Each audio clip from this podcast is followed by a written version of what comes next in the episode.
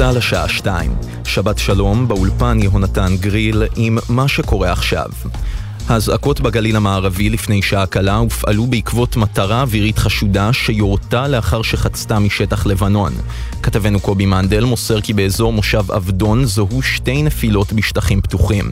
כתבנו לענייני צבא וביטחון דורון קדוש מציין כי זו המטרה השנייה שיורתה בצפון משעות הבוקר. ברקע ההסדר להשבת החטופים, מטוס המנהלים הקטרי שנחת באופן חריג בנמל התעופה בן גוריון, עזב את הארץ לפני זמן קצר. כתבתנו עינב קרנר מציינת כי המטוס המריא מלרנקה ונחת בארץ לפני כשעתיים.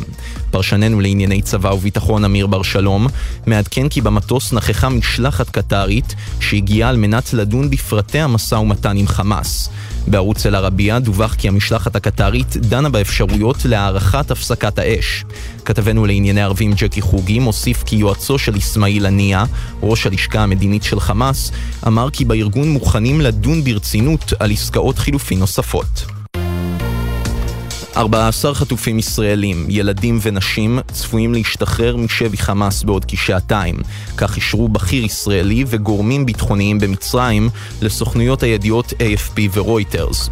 כתבנו בדרום רמי שני מעדכן כי החטופים יוחזרו באמצעות נציגי הצלב האדום, ולאחר שיחצו את הגבול ממצרים דרך מעבר כרם שלום, יועברו ישירות למרכזים הרפואיים השונים ולא יגיעו לבסיס חצרים. בשירות בתי הסוהר קיבלו הבוקר רשימת משוחררים נוספת המונה 42 אסירות ואסירים ביטחוניים. כתבתנו הדס שטייף מוסרת כי האסירים עושים את דרכם לכלא עופר וישוחררו רק לאחר הגעת החטופים הישראלים לשטח המדינה. כתבתנו בבירה נועה ברנס מציינת כי תושבי מזרח ירושלים יימסרו למשטרת ירושלים ומשם ישוחררו לבתיהם. תושבי יהודה ושומרון יועברו לידי הרשות הפלסטינית במעבר ביטוניה ליד רמאללה. ארבעת הילדים ששוחררו אתמול משבי חמאס ומאושפזים כעת בבית החולים שניידר בפתח תקווה נמצאים במצב רפואי טוב. כך עדכנה לפני שעה קלה הפרופסור גילת לבני, מנהלת המחלקה לילדים השבים בבית החולים. עוד הוסיפה הפרופסור לבני, הילדים עטופים על ידי הצוות והחברים, וסיפרו חוויות עד השעות הקטנות של הלילה. שחרורם מבית החולים צפוי בימים הקרובים, כך הפרופסור לבני. כתבתנו מאיה יהלום מציינת כי בבית החולים שניידר פרסמו תיעודים של המפגש הראשון אמש בין החטופים לבני משפחותיהם. רועי זכרי מונדר, אחיו של אוהד מונדר בן התשע ששוחרר מהשבי, אמר לפני זמן קצר, אנחנו שמחים אבל לא חוגגים היום. אנחנו צריכים להמשיך ולא לעצור את המאבק שלנו עד שאחרון החטופים ישוחרר. בשעה זו מאות רבות של אנשים מתאספים בכיכר החטופים והנעדרים ברחבת מוזיאון תל אביב. רחוב שאול המלך נחסם לתנועה. כתבנו אורי קספרי מציין כי הערב בשבע תתקיים בכיכר עצרת לציון 50 יום לשבי. מזג האוויר למחר, הרוחות יתחזקנה. יעשה אביך ובדרום אף תיתכן אסופות חול מקומיות. ייתכן גשם מקומי קל בדרום הנגב ובצפון. אלה החדשות.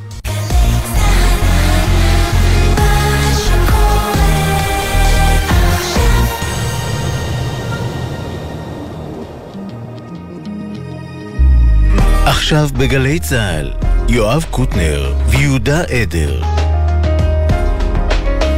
הבית של החיילים, גלי צה"ל.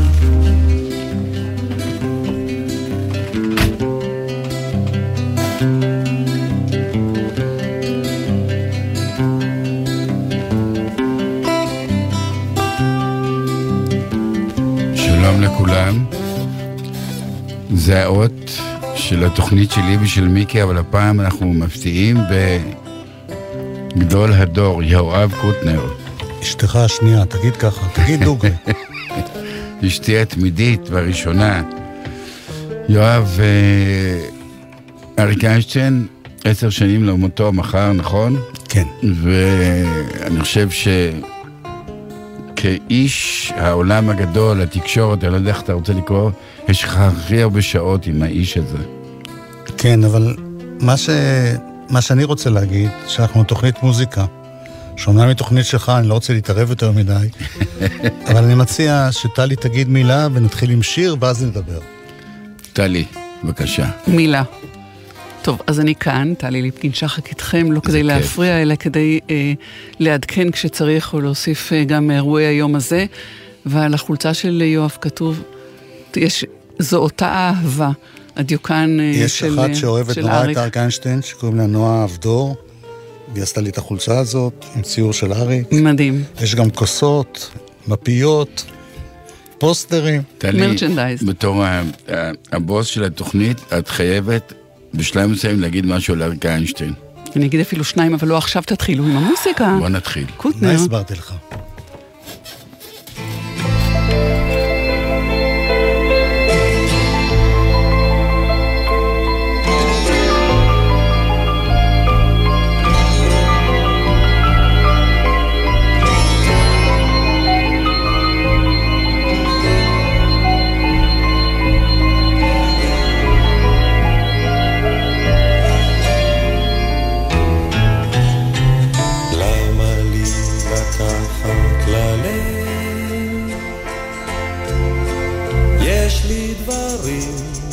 חדשים בראש.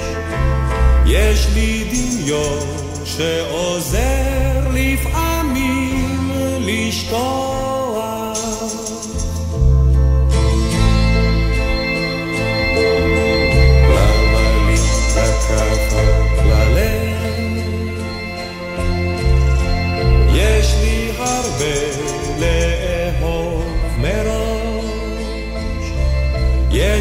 תמיד חברים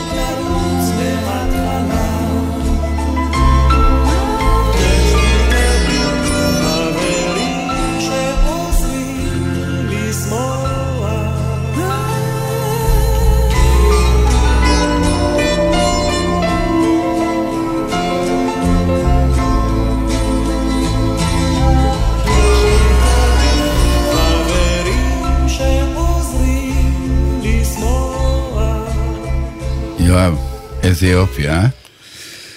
כן. רציתי להגיד לך שאני היופ- כאילו בן היופי הוא 19, שאתה במוזיקה, אתה באמת מצליח לרגע לברוח מהזה, להתרומם מהחרא הזה שאנחנו תקועים בו. או גם לברוח, אבל לדעתי אתה יכול, בשבילי זה גם להכיל את זה. אמנות כן. כאילו מייצרת אפשרות להכיל את, ה, את הדבר הקשה הזה שעברנו. אני רוצה להגיד לך, הייתי בן 19 שזה יצא, באמת? 1970. כן. אוקיי? והייתי אחרי, אתה יודע, וגדלתי כזה עם מתנדבים בקיבוץ, עם דה בנד ורולינג סטונס, ובעיקר בובי, בוב דילן. ופתאום, כל הזמן המוזיקה הישראלית, אמרתי, בואנה, מה זה, הם לא מייצגים אותי, הלהקות הצבאיות האלה. וכל מה שהיה שם, ופתאום הגיע השיר הזה, זה העיף אותי. השיר הזה והאלבום הזה, שבא אחריו. רציתי לשאול אותך, בתור אחד שהרבה יותר דרך צעיר אגב, ממני. אה, מה שמדהים שזה עדיין מחזיק. נכון. זאת אומרת, זה, יש הרבה דברים שאהבנו ב-1970, שדי, זה כאילו פסה. נכון. כן. מה רצית לשאול אותי? רציתי לשאול אותך, כאילו, אנחנו לא צריכים למה... לתת קודם קרדיטים וכל ה... לפתוח את התוכנית באופן רשמי ו... אני מוכן להגיד מה שכתוב שם, כן, אבל חסר שם איזה שורה, אבל מפיקה גיא רימון, כן, באולפן יובל סיסו ועמית קליין, כן, טכנאי אלון סמיד, כן, והפיקוח דוב קיכלר, כן. והעורכת זה נועה באום, שלא ראינו אותה לשנייה. עורכת של מה? של הכל. העורכת של התוכנית היא העורכת הקבועה שלנו כל אה, שבוע. אוקיי. כי הפעם- אתה. ערכת, אני רוצה לדייק את הדברים. קרדיטים זה הכי חשוב. אה, כן? זה הכי חשוב? וטלי, היא העורכת היותר ראשית פה. נכון. יואב, בוא נחזור רגע לשיר. אני רוצה להגיד לך למה אני באתי. מעבר לזה שאתה חבר שלי וטלי חברה שלי, ומה שתגידו אני אעשה. אני מרגיש שדיברו המון המון המון, וידברו גם מחר, מחרתיים, על אריק איינשטיין, ובצדק, כולל אני בעצמי, אתה יודע, במשך הזמן עשיתי עליו עשרות תוכניות, כן. ומרתונים וזה. אבל את חשבתי הסדרה שזה... הזאת, ואת הסדרה. את הסדרה. פה ב... בגלי צה"ל היה 50 תוכניות. אבל הסדרה ובטלוויזיה ב-. שש, שישה פרקים. אבל מה שאני רוצה לומר, שבדרך כלל אנחנו מתייחסים אל אריק איינשטיין בתור זמר ענק, ומי שקצת שם לב יותר רואה שהוא גם כתב נהדר, הוא כתב 100 שירים. מעל מתוך- מאה. זה, שזה המון. את הטקסטים. כן, את הטקסטים. נכון, הוא כתב, אני חושב, מלודיה של שיר אחד. עוד נהיה, עוד נהיה, משהו כזה, אני זה אתה זוכר. מדבר על המוזיקה. הוא גם הלחין את זה, אתה עוד יהיה. כן, נכון. אבל אני דיברתי על הכתיבה, ו... ובגלל שאתה מוזיקאי, ואני רק מדווח לש"ג פה, שמעתי לו שאתה תבוא, אתה היית בלהקת תמוז ובלהקת דודה, והפקת המון המון תקליטים, ואתה נשיא בית ספר רימון. אוקיי. לא, שיבינו מי זה מדבר. אז אה, אף פעם לא דיברו על אריק כמוזיקאי לעומק. אני מקווה שבשיחה הזאת שלנו, וגם האורחים שאתה תכננת להביא בטלפון, נשים לב לצד הזה, כי אריק איינשטיין, בהרבה דברים הוא היה מוזיקאי מהפכן. הוא לא זה שכותב בדרך כלל את התווים, נכון. והוא לא המעבד, אבל הוא באמת אחד המפיקים המוזיקליים הגדולים שהיו לנו. הוא בוחר עם מי לעבוד, הוא מוצא את האומנים האלה, הוא, הוא, הוא מדרבן אותם. אתה יודע, כמעט כל אחד, אחרי שהוא עבד עם שמולי קראוס, שהיה מבוגר ממנו, כל הבאים, שלום חנוך, ומיקי גבריאלו, ויוני רכטר, ושם טוב לוי, ואחרי זה יצחק קלפטר, ועד הסוף, עד אה, גיא בוקטי, וכולם, פיטר רוט, וברי סחרוף, ומיכה שטרית. הוא תמיד לוקח חבר'ה חדשים וצעירים, נכון. ומדרבן אותם לכתוב. ובעצם הוא יוצר עולם חדש שהוא סימביוזה של שניהם. כן. רציתי להגיד לך שחשבתי נכון. על זה, כשעשינו את המופע לאריק איינשטיין לפני הרבה שנים, אתה ואני, שאריק עוד חי ולא הסכים כן. לבוא, למרות שצלצלנו אליו כל הזמן, אז פתאום קלטתי את ההשפעה שלו על מיקי גבריאלו, כי נגיד, ש- שלום חנוך, הוא הוציא שירים עם מאיר אריאל, הוא כתב את לילה, הוא עשה את אגדת דשא, הוא כתב כל מיני שירים עם אה, מאיר אריאל, מחופף הבננות. כן, אבל מיקי גבריאלו היה מלהקת הצ'רצ'ילים, הוא היה בסיסט. כן, הוא היה איזה מוזיקאי, ואז הוא שלף אותו. כן. הסתכלתי על, על התוכנית שאתה עשית אז, ב... שמיקי גבריאלו מנסה להסביר כן. מוזיקלית מה קרה לו, והוא אומר, כשאתה פוגש את אריק איינשטיין, קורה משהו קוסמי, ובאמת, אה, אתה יודע, אני מכיר את מיקי גרם ולא סליחה ממש שנייה, אני טוב. פשוט, זה אולפן שפעם ראשונה שאני משדר פה, למרות שאני משדר פה בבניין, משנת 75. איפה הפליי? בבקשה. אוקיי, זה. היה ערן גולני. תודה רבה. אתה רואה? אין כמו ידע. ידע זה כוח. אז רציתי להגיד רק מילה אחת על מיקי גבריאלוב, שמיקי גבריאלוב טס כשהוא אמריקאי, שאתה יודע, שיר כמו סע לאט, שיר כל כך אנחנו מורכב, נדבר, נרחיב. יהודה, בוא בוא אני אלמד אותך דבר היחיד שאני יכול ללמד אותך. בבקשה. less is more. הבנת אותי? מה, אתה שם מוזיקה עכשיו? כן. מה? אני ואתה. לא מיקי רע. גבריאלוב. נכון. והסולו, פתיחה של חיים רומנו, שמי שמבין בגיטרות, מבין שחיים מוריד את כל הטראבל ומנגן את זה עם בלי גבוהים, וזה הסאונד המקורי שיוצא פה. ומילים של אריק איינשטיין. כן. שפעם אמרתי לו, את אני ואתה זה אתה כתבת, נכון? אז הוא ענה לי, כן, אבל אמרו את זה קודם. יש לי משהו להגיד על זה. אני ואתה נשנה את ואתה, אז יבואו כבר כולם. אמרו את זה קודם, לפניי, לא משנה. אני ואתה נשנה את העולם.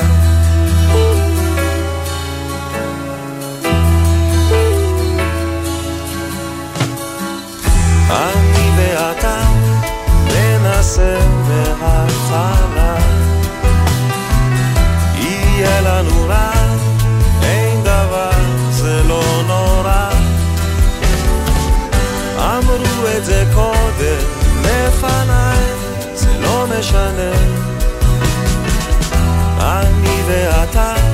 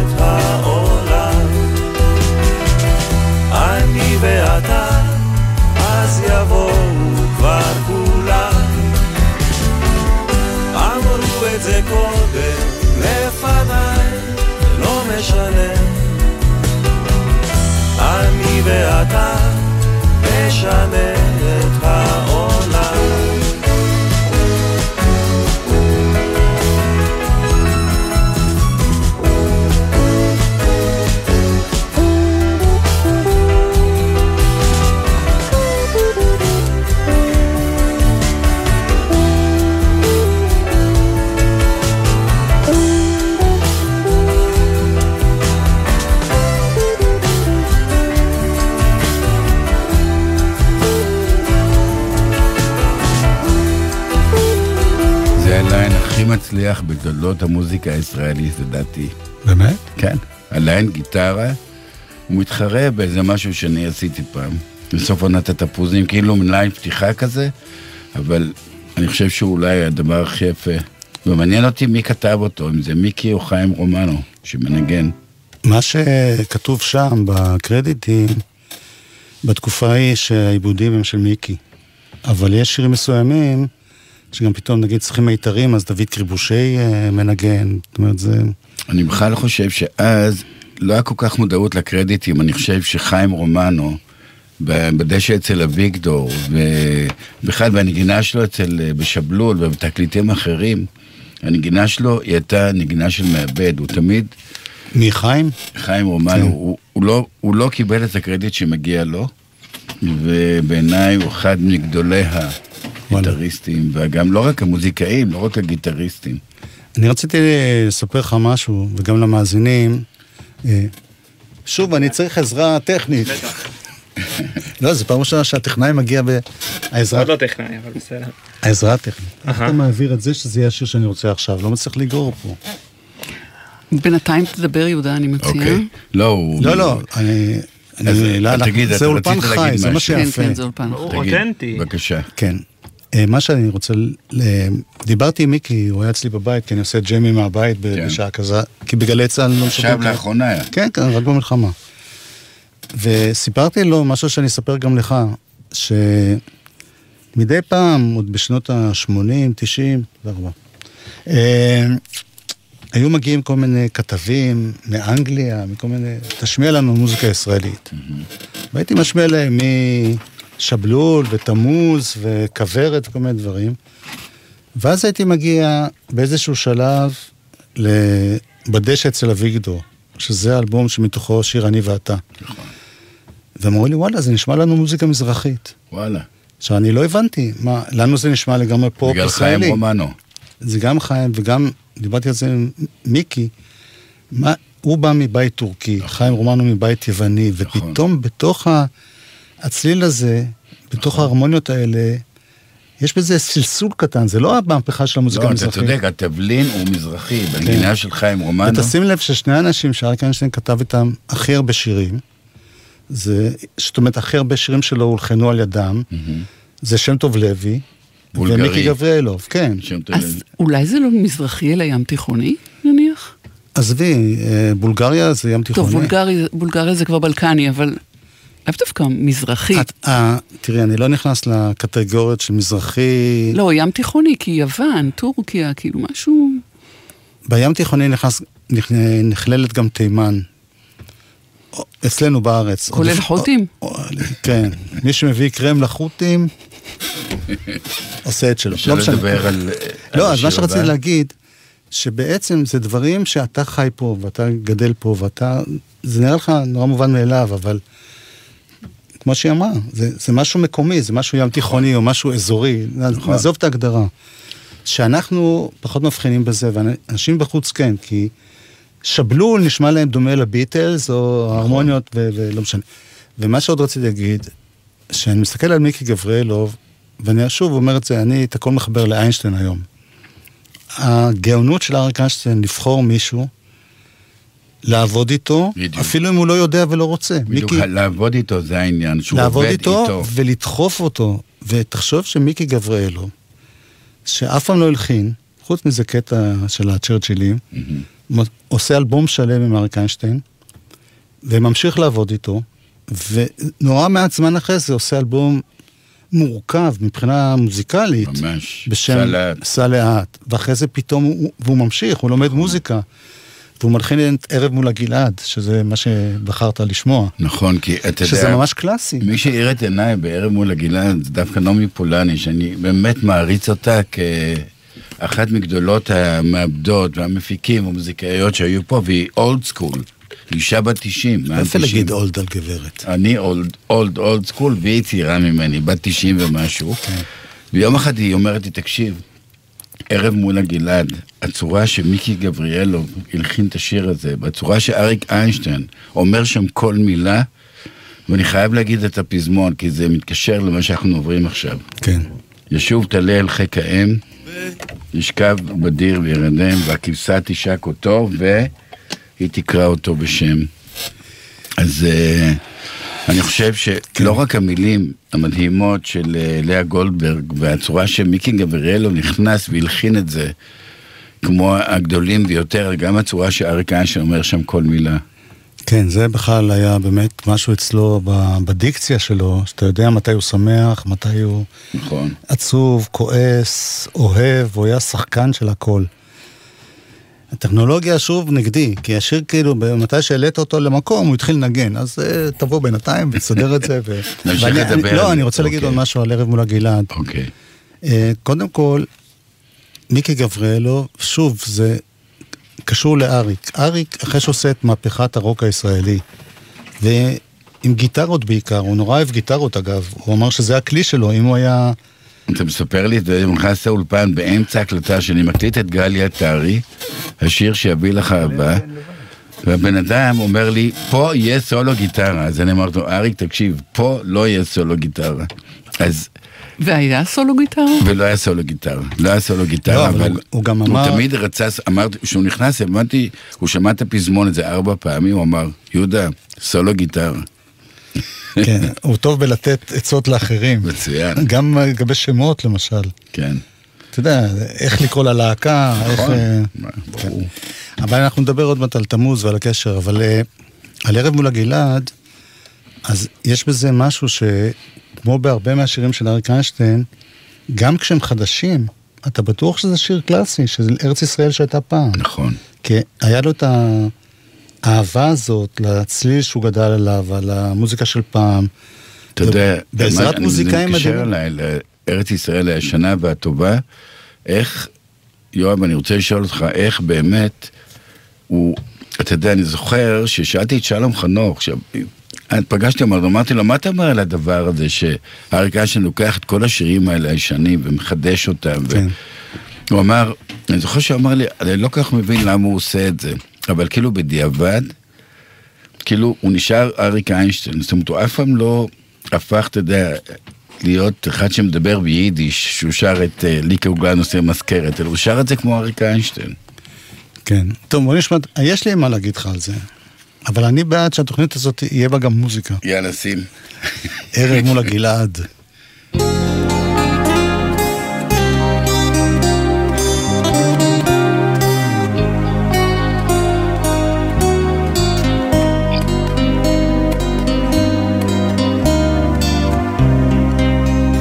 האילנות כל כך כבדים, כופף הפרי את הבדים, זו השעה המרגיעה, ונרדמים הילדים, אל הבקעה מן הגלעד, טלה שחור ורח ירד, כבשה פועה, בוכה בדיר, זה בנה הכת אשר אבד.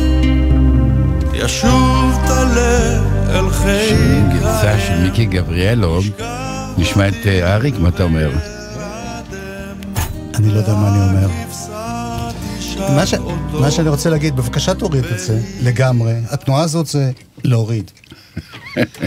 מה שרציתי עוד להגיד לך, שהאהבה של אה, אריק איינשטיין למשוררים למשל, זה, הוא בא מבית שאבא שלו היה שחקן וקריין, וחבר של אבא היה אברהם חלפי, והוא באמת גדל ב, ב, בבית שקוראים ספרים, זה לא דבר ש...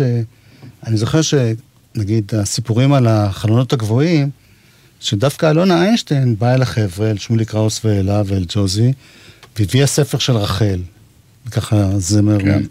התשמע קולי, זמר נוגה, או את אה, מרים ילן שטקליס. זאת אומרת, משלב מסוים, הוא נורא נורא נפתח לשירי משוררים, וגם בזה אתה רואה את גדולתו כמפיק. מה אני מתכוון? הוא נגיד מחליט שהוא רוצה לשיר את השיר הזה, סתם אני אומר, אני לא יודע, לא יודע שזה קרה, את השיר הזה של אה, ערב מול הגלעד. ערב מול הגלעד של לאה גולדברג. הוא שר הרבה שירים שלה. אז הוא אומר, מעניין, למי מתאים להלחין את זה? האם אני אתן את זה לשם טוב לוי? ליוני רכטר? ליוני רכטר? למיקי גבריאלוב? ואתה רואה שהרבה פעמים הוא, הוא זה שמחליט נכון. שתוכי יוסי ילחין מיקי גבריאלוב, נכון, ושיר אחר שם טוב לוי, נכון. ו... והטור מצחך יוני רכטר, כאילו הוא מחלק. הוא, הוא מחלק והוא גם עובד איתם אחרי זה. ואני חושב שאחד העדים הנפלאים לעבודה איתו זה שמי, שם טוב לוי. נכון. ש...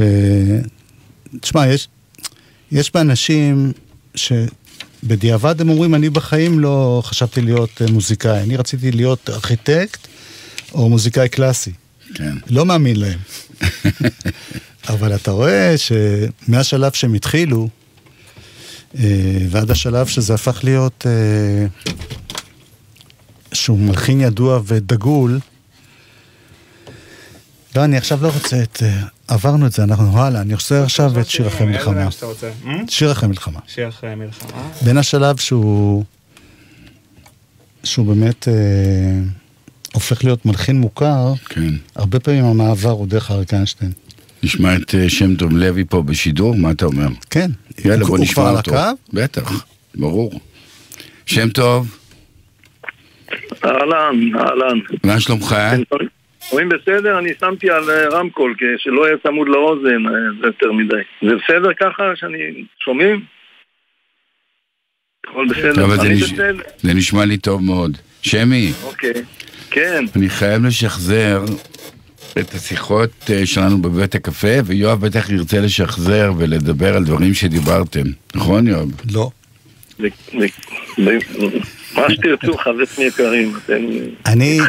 אני, מה שאני רוצה ללמוד ממך באמת, אה, לי יש תיאוריה שאריק איינשטיין, אה, אומנם לא היה המוזיקאי של הזה, כי אתה מלחין, או יוני רכטר מלחין, או מיקי גבריאל, או לא משנה מי, אבל הוא כן היה שם כל הזמן מסביב, ואתה סיפרת לי לא מעט כבר, זה לא רעיון ראשון שלנו, לא שיחה ראשונה, איך הבן אדם מתערב בשיר, זאת אומרת, מתערב בניגון ואומר לך, אל תעשה ככה, תעשה ככה. מעניין אותי לדעת איך בן אדם שהוא מגדיר את עצמו, אני לא מוזיקאי, איך הוא מעז בכלל? איך, איך הוא מוציא ממך דברים כאלה? וואלה. אני לא יודע בדיוק, ש... שאלה, הוא בהחלט, קודם כל, אני, אני לא יכול להגיד לך בדיוק איך, כי אני לא יודע, העובדה שהוא עשה את זה, וזה זה קרה לא, לא רק איתי, גם כל המלחין.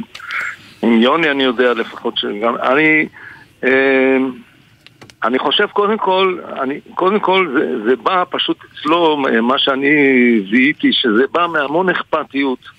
מה, מה, מה, מהיצירה, ממה שהוא עושה, מהשיר שנכתב, מ, מ, מהמילים, מהמוזיקה, מהכל, מהעיבוד, מ...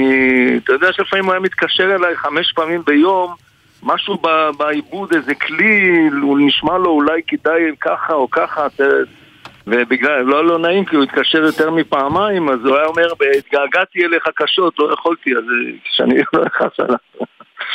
בקיצור, אה, אבל הוא, הוא היה מתערב, הוא היה... תראה, הוא, הוא ישב, אה, הכל בסדר? כן, כן? טוב מאוד. לא פשוט יואב, הוא בדיסאוריינטציה מוחלטת באולפן, אבל הוא חייב לשים את השיר- את השירים בעצמו. זה משהו שלא אה. ראיתי. תן להם הבנתי, לשים לא את השירים. נגיד, אתה בא להרצאה תן להם לשים את השירים. על להקת תמוז, ואומרים, אומר לך טכנאי, אני אנגן, אתה, אתה רק תדבר, אני נכון. אנגן את ככה הסולו אתה שלך." מרגיש? כן. ככה אתה מרגיש. אבל לא, התוכנית לא, היא על אריק אה, איינשטיין, לא עליך. אין עליו, אין עליו, על יואב, שישים, שיעשה מה שהוא מרגיש, וגם אתה. שמי, אבל אני אני- בקיצור, אני... כן, סליחה. אתה כן. פשוט, זה, זה סיפור כל כך נחמד, שאני, למרות שכבר סיפרת לי אותו, אז זה שהוא כן. אומר לך על איזה שיר, לא, מה אתה הולך ליפול אה, לניו יורק. לניו יורק, תחזור לישראל, תחזור... אה, זה- כן, זה, זה בראש שלך, זה, זה... אני מספר את זה פה ושם בהופעות, אז אני לא כן. יודע, אולי כבר אלה שבאים להופעות לפחות כבר מכירים, אבל לא אכפת לי לספר את זה ספר. שוב, לא יודע, אולי יש עוד כמה שלא הגיעו להופעות. אני לא מכירה. הנה. הנה, אוקיי, טלי לא הנה. מכירה. ואגב, אני רוצה לנחם אותך שאריק איינשטיין אמר על עצמו, שיש לו כן. 50 סיפורים, ועם זה הוא רץ כל החיים. זאת אומרת, אני אישית שמעתי נכון, את זה אותו נכון. סיפור עשר פעמים. אז גם אני, גם אני וגם אה, אני יודע מאחרים, הייתי, אז לפעמים הייתי ב- בדחילו הולכים, אריק, וואלה, מכיר כבר את הסיפור וזה, אז הוא היה אומר, דיר באלק, תן לאריק לספר, הוא כל כך אהב לספר, האיש הזה, פשוט אהב את, ה, את האלמנט הזה של בן אדם, של לספר, הוא נורא אהב לספר, ו, והיה משהו כשהוא מספר, לא יודע, אין מה לעשות, היה לו את התכונות האלה של אה, שחקן, של כל, של בן אדם שיודע לספר ולרתק. שמי, בקיצור, תגיד, זה בראש שלך, אם אתם רוצים לשמוע, לא יודע, בטח. זה בראש שלך, זה, זה, זה, כשהיינו עובדים על, אה, היינו עובדים על אה, אלבום, אז הוא היה מגיע אליי, תמיד הוא מגיע למוזיקאי בבוקר, 11 כזה, ויום אחד הוא הגיע עם, אה, על הדלת, הוא אומר לי, זה בראש שלך, זה רק נדמה לך, מה אתה אומר? אני אומר לו, אחלה משפט, בוא, אז הוא אומר, בוא נלך לפסנתר, נראה מה תעשה איתו. הוא בא עם המשפט ככה מהבית. ואני באותה תקופה הייתי מקשיב לג'אז אמריקאי כזה משובח, סטילי דן, מיילס דייוויס, צ'יק קוריאה, כל מיני דברים כאלה. ובאותו יום כן, התחלתי להשתעשע מהמשפט הזה ויצא לי איזה משהו שהוא יותר סטילי דני כזה וזה, ואני עד היום אוהב את זה דרך אגב. רגע, אתה ליד הפסנתר עכשיו? שם טוב. אתם רוצים לשמוע? ברור, בטח, בשידור חי. מה תיתן לנו לשמוע. אפילו, אתה יודע, 30 שניות של המקור.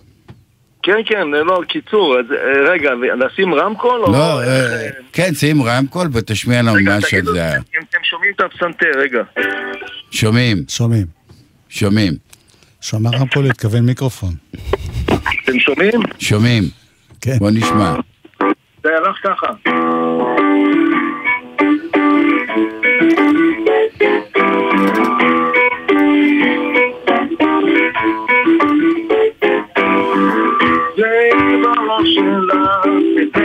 נדמה. את עכשיו, זה קורה לך?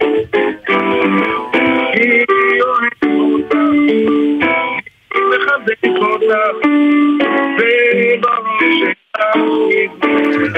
וואו, שם טוב. מה שמדהים, אתה יודע מה שמדהים אותי? שאתה זוכר כל דבר שאי פעם ניגנת. בדרך אתה אמור היית לשכוח את זה. אז אני, אז אני אומר לך, אני לא בטח כתבתי את השתמשת בשיר אחר לדבר הזה, נכון? סליח, סליחה על המחמאה העצמית שאני הולך להגיד, אני אוהב את זה, פשוט זה טוב, ואני, כשמשהו טוב, אני אוהב אותו. אבל תשמע, אני מדברים על אריק, זה כן. הוא מה שחשוב פה. אבל למחרת הוא הגיע שוב, ואני הייתי דלוק הייתי מבסוט ממה שיצא לי, ו... ו...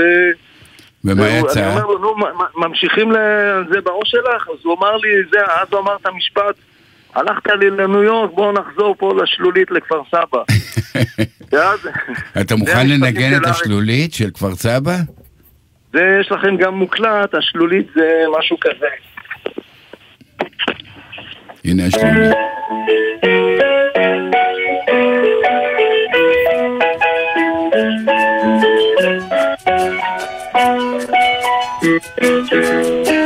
זה בראש שלך, וזה נדמה לך. טוב, זה שיר כבר וואו. יותר מאוחר. מדהים, מדהים. תכף נחזור אליך, שמי, בוא נשמע קצת משהו שהסאונד נשמע בסדר. את חמה עכשיו, ומה זה קורה אוהב אותך? מי מחבק אותך? זה בראש שלך, וזה רק נדמה לך. כן. זה בראש שלך, וזה רק נדמה לך.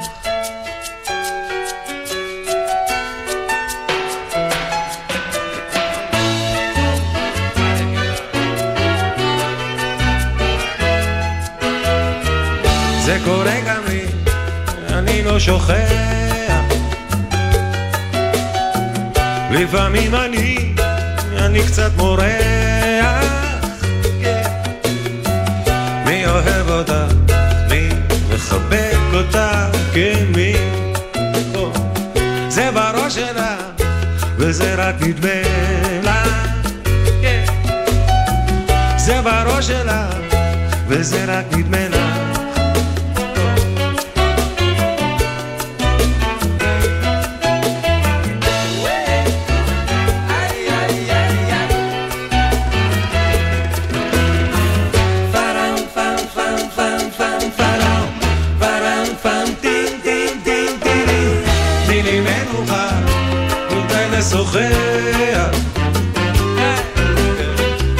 לסיפור הזה אין טעם וריח.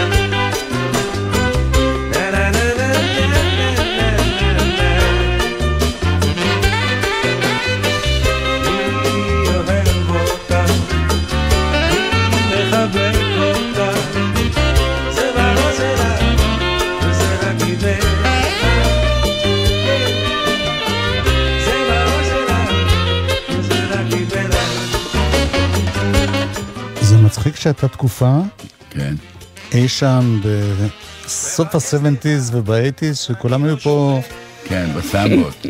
כן, סלסה אול בנד. כן. כולל תקליט של שירי ארץ ישראל שהוא כזה. שמי, כן, אתה עוד איתנו אני מקווה. אני אז- איתכם תמיד. לא, אז תמיד. אתה הבאת את זה מניו יורק, לא לכפר סבא, אלא ל... לא יודע, לברור חיל. לא, נכון, לכל אה, קובה, קובה, לקובה, לא, זה לקובה, קצת כן. סלסה כאן, זה כן, קצת כן. סלסה, מי שמכיר, תשמע, אה, אתה, עשית בעצם כל כך הרבה אלבומים ושירים, אנשים לא יודעים את זה, אבל איתך הוא עשה את הכי הרבה תקליטים. ו... זה לא ידע- זה לא ידע כל כך חשוב, אבל זה... לא, לי זה, ח... לא יודע, לי זה חשוב בתור ה... אני לא בתחרות. אני כן, לא, אני רק רציתי לשאול על זה. כן, סליחה, תגיד אה, אתה. על מה, ש... על מה שלא שאלתם אותי בהתחלה, שזה מעניין, על הרגישות הזאת של אריק, אה, שהוא מדי פעם... קודם כל אני רוצה להגיד שני דברים. אחד, שידעו על אריק דברים שאולי לא יודעים, אתה יודע, יודעים עליו אה, הרבה דברים שדיברו וזה, אבל קודם כל, אני, אני בדרך כלל, אני, ואני גם חושב שכל, רוב המלחינים שאני מכיר, אני מלחין כשאני עם עצמי לבד, זה משהו מאוד אה, אישי וחושפני, זה לא, לא עם אנשים יושבים איתי ביחד, אפילו לא מוזיקאים נוספים. כן.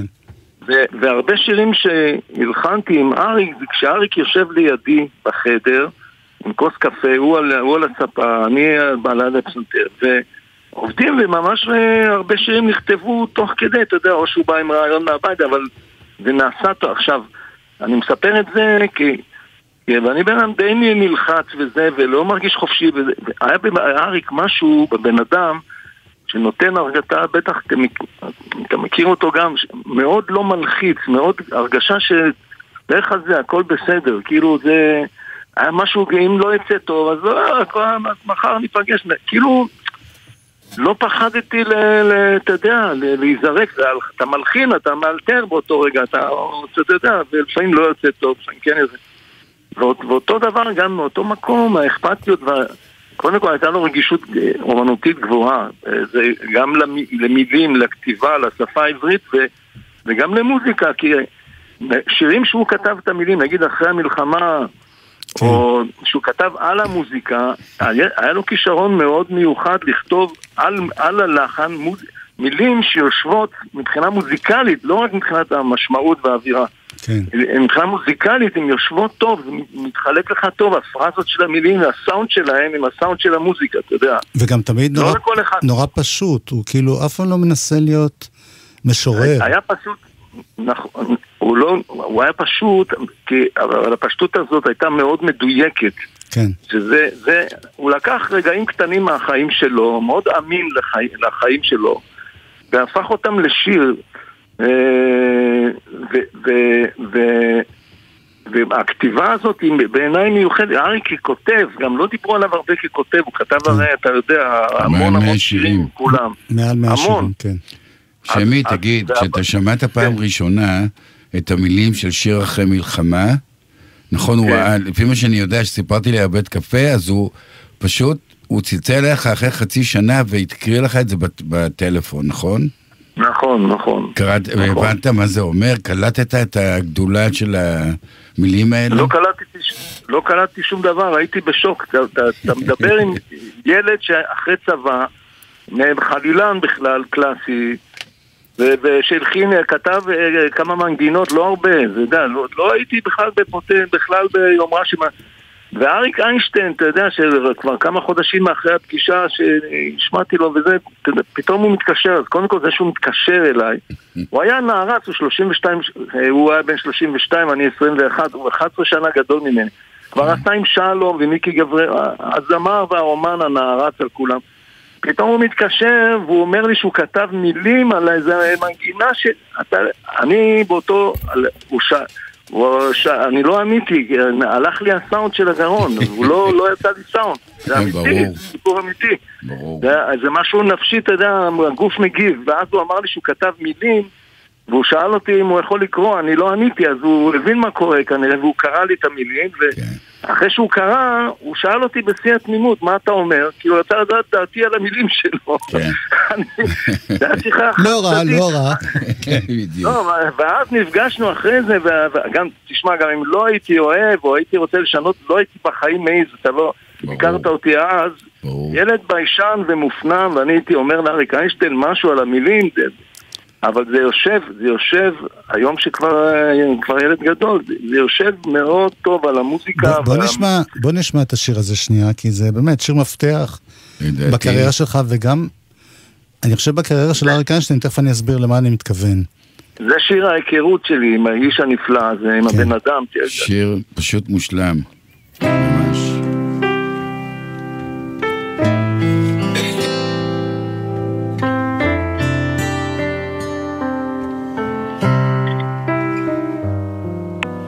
שיר ישן נושן, שיר של חיילים שחוזרים אחרי הקרב. שיר של אהובה מחכה לך, מישהו שר את זה קודם. זהו שיר אחרי מלחמה. הוא תמיד מזכיר לי תקווה.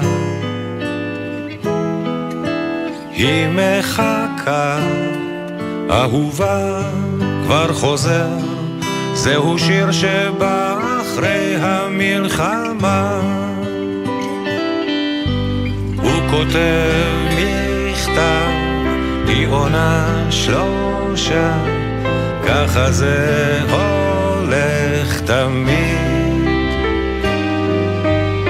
שולח שיר, היא מוחה דמעה, מישהו שר את זה קודם.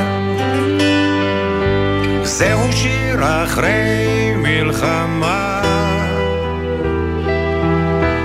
הוא תמיד מזכיר לי תקווה. היא מחכה, אהובה כבר חוזר, זהו שיר שבא אחרי המלחמה. אגב, זאת אה, גרסה מאוחרת של השיר הזה. מי מנגן? יוני רכטר או שם טוב? שם טוב, מי מנגן בגרסה הזאת של ארץ זה ישראל? יוני, זה יוני, הבאתי את זה יוני. נשמע יוני. יוני מנגן פה, ו... אני, רציתי לה- להמשיך שנייה לגבי הפעם הראשונה הזאת בשנת אה, 72. שאני, שאני מסתכל על זה בתור אה, מי שמנסה להבין את התקופה ולראות, זה מעניין ואני לא יודע כמה היית מודע לזה בזמן אמת, אבל אריק איינשטיין עשה פה איזה מהפכה. בפוזי ושבלול ופלסטלינה ובדשא אצל אביגדור, הרבה גיטרות ורוק ישראלי וכולי וכולי. ופתאום, נכון. כש- בתקופה הזאת שהוא פוגש אותך וגם אה, את ינקלה רוטבליט, כל מיני, פתאום יש שם מין אווירה אחרת מבחינה מוזיקלית. זה פתאום נכנס הפסנתר יותר, נכנס העיבודים הכאילו קלאסיים. שירי משוררים יותר. מה קרה שם? מה, הוא התייאש מהרוק או מה? לא יודע, חבל שהוא לא פה, היית צריך לשאול אותו. שאלתי אותו, אתה יודע מה, הוא היה עונה על שאלות כאלה. מה, נו? ידידי כאח לי, הנח לי. בדיוק, כן. בגלל שאני לא חושב... למה אתה מבלבל את המוח? מה זה השאלות האלה? יש לו קטעים, לאריק באמת כל המשפטים, כמו המשפט הזה, אני חייב, קודם כל באמת אני לא יודע אם הייתי יודע, אבל זה נכון, נראה לי נכון, אני לא ידען כמוך יואב על כל התקופה, וזה נשמע לי נכון, אבל אה, אני חושב שהוא, הוא איכשהו, אני חושב, זה, לא יודע, התאים את עצמו, אתה יודע, לכל מלחין, ל, ל, מאיפה, אני באתי ממוזיקה קלאסית, הייתי חלילן מכוון להיות בפילהרמונית, ובזה... ושמעתי באך, רבל, דיביסי וזה וזה, ו- וגם בלהקה, בצבא, התחלתי קצת לשמוע קצת ביטלס וג'אז ודברים אחרים. אבל הוא כנראה התאים, הוא הרגיש שאיתי הוא יכול ללכת לכיוון הזה, ועם יוני, גם יוני בא מקלאסי איכשהו, אבל גם דברים אחרים. לא יודע, יכול להיות שהוא, מה לא שיפה יודע זה מה מה קרה לו. שלא מרגישים שיש הבדל. את כל השירים האלה, המורכבים והפחות המורכבים, הוא שר באותה, איך אומרים, אה, באותה צורה פשוטה וישירה. והוא תמיד, הוא אף פעם לא אומר, אוקיי, עכשיו שימו לב, יש פה אוגמנטד ואני אשאיר לכם משהו. לא. נכון, הוא שר את שיר אחרי מלחמה, למרות שיש שם אקורדים מאוד מורכבים, זה ממש, זה, זה כן. מסתיים שם לא באיזה... מאוד, לא מאוד מאוד. תראה, אריק גם, אני חייב להגיד, אה, אה, שדיברנו קודם על זה בראש שלך, כי בזה בראש שלך יש קצת אקורדים ג'אזיים כאלה, זה, נכון. אז הוא, הוא, הוא ידע מה מתאים לו, ו- ואני אני באותו יום אפילו קצת התעצבנתי למה הוא לא רוצה את זה, וזה, אתה יודע, כי אני, אני נדלקתי כמוזיקאי וזה, ואחרי שבוע שכתבתי את המנגינה השנייה, שאותה מכירים, ואני אמרתי, בואנה, הוא צודק, זה יותר מתחבר עם המילים ועם האווירה של המילים, המנגינה השנייה, זה בראש... היה לו, היה לו כישרון, באמת, אני, לא תמיד יש לכל אחד את כל ה... היה לו גם כישרון של, של הרי שיר זה לחן, מוזיקה ומילים, ו, ושיר טוב זה שהחיבור, הכימיה בין שני הדברים האלה, בואנה, הם נשואים באושר, הם לא התגרשו אף פעם. כן. וזה נשמע כאילו זה נולד ביחד, והיה לו כישרון באמת מיוחד לאריק, להכיר מתי החיבור הזה הוא, הוא טוב ומתי הוא לא בדיוק זה. אפילו אם המוזיקה טובה והמילים טובות, החיבור ביניהם לא, לא אוכל. והוא שם זה טוב. איש שהיה לו כישרון כזה, חייבים אפשר- לדעת את זה עליו. אני חייב להגיד עליך משהו, אבל לפני שיואב המשיך? שבעיניי אתה מוזיקאי גאון, ואת כל הגאונות הזאת אתה מצליח להכניס בתוך שיר, שזה זה בעיניי הכי קשה, כי לבוא ולכתוב כל מיני דברים מורכבים שאף אחד לא יבין, זה עניין אחד, אבל להכניס את הכל בתוך שיר, זה, יש לזה למשל תכונה השיר יוצאת דופן. שובי לביתך. ש... אני אקליט, אני אקליט מה שאמרת ואני אשמיע לאשתי, לא יודע, אבל- היא יודעת, היא יודעת, תאמין שובי לי. לביתך שנהפך עכשיו להמנון החטופים. תקשיב אנחנו. לא נשמיע אותו, אני רציתי לשמוע אותו, אבל יואב בצדק לא, אני אומר, אמר... אנחנו מתרכזים פה, גם ככה אנחנו משמיעים. לא, לא, לא, לא, מספיק שומעים אותו. נכון. תקשיב רגע. דרך אגב, שובי לביתך, דרך אגב, זה בתקופה שכתבתי כבר את הדברים הראשונים האלה לאריק, והשמעתי לו את שובי לביתך. שכתבה דליה רביקוביץ', השמעתי לו בעניין שהוא ישיר את זה. אני, אני לא מחזיק מהצ... אז בכלל לא חשבתי לשיר, בכלל לפתוח את הפה. כן. אז הצעתי לאריק, כי הכרתי את אריק איינשטיין, ומי מי, מי יותר טוב ממנו, ב... ש... שאם הוא רוצה לשיר את אה, זה, אתה יודע מה הוא אמר לי? הוא אמר לי, הוא שמע, הוא אמר לי, זה שיר טוב, נראה לי שזה מתאים שאתה תשאיר אותו. וואו. זה הגדולה שלו. באמת. כן. אתה יודע שדני סנדרסון אמר לי שגדול אה, הזמרים בעיניו בישראל זה שם טוב לוי. באמת? הייתי בשוק. לא, כי... יש לו בעיה. יש לו בעיה, הוא פשוט כל כך... אני לא חושב, אני חושב שאתה... אני משתפר, אני משתפר. אתה משתפר, נכון. אה, סליחה שנייה, אני... סליחה, לא, זה פשוט לא נעים להפסיק אה, מחמאות באמצע, אבל אני מסתכל על. השעון ומסתכל... כן. בקשר למשהו שאתה אמרת, שעושים את השירים באמת ביחד. זאת כן. אומרת, ב- באיזשהו שלב, זה לא כל כך משנה מי הביא, אתם... והמון מהשירים שאתה עשית לאריק איינשטיין הם שירים נורא נורא אישיים.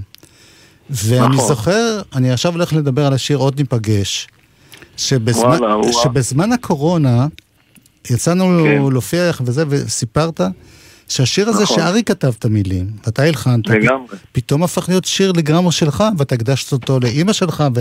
זאת אומרת, אני מדבר על החיבור הזה של כן. אנשים עם אריק, שהשיר שלהם, תמשיך, תמשיך.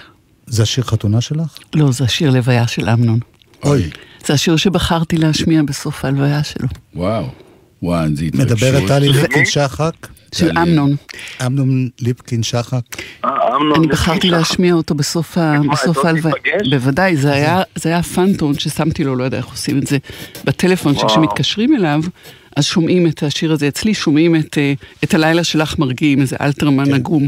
ואצלו היה זה, ובחרתי להשמיע את זה. הסיפור הוא שרוני דניאל, מה? הוא מה. שמי? לא, לא, דברי, דברי, דברי. ורון- מאוד אהבתי את הפנים שלו סתם, של אמנון. תודה, גם אני עדיין. אוהבת. וה- ורוני סיפר לי, דניאל, שהיה בלוויה, שאריק מטלפן אליו כשהוא שומע, הוא שמע את ההלוויה בשידור הישיר שלה, ברדיו, הוא מצלצל אל, אל רוני, ואומר, משמיעים את השיר הזה עכשיו. זה בגלי צה"ל משמיעים, ששם מעבירים את ההלוויה?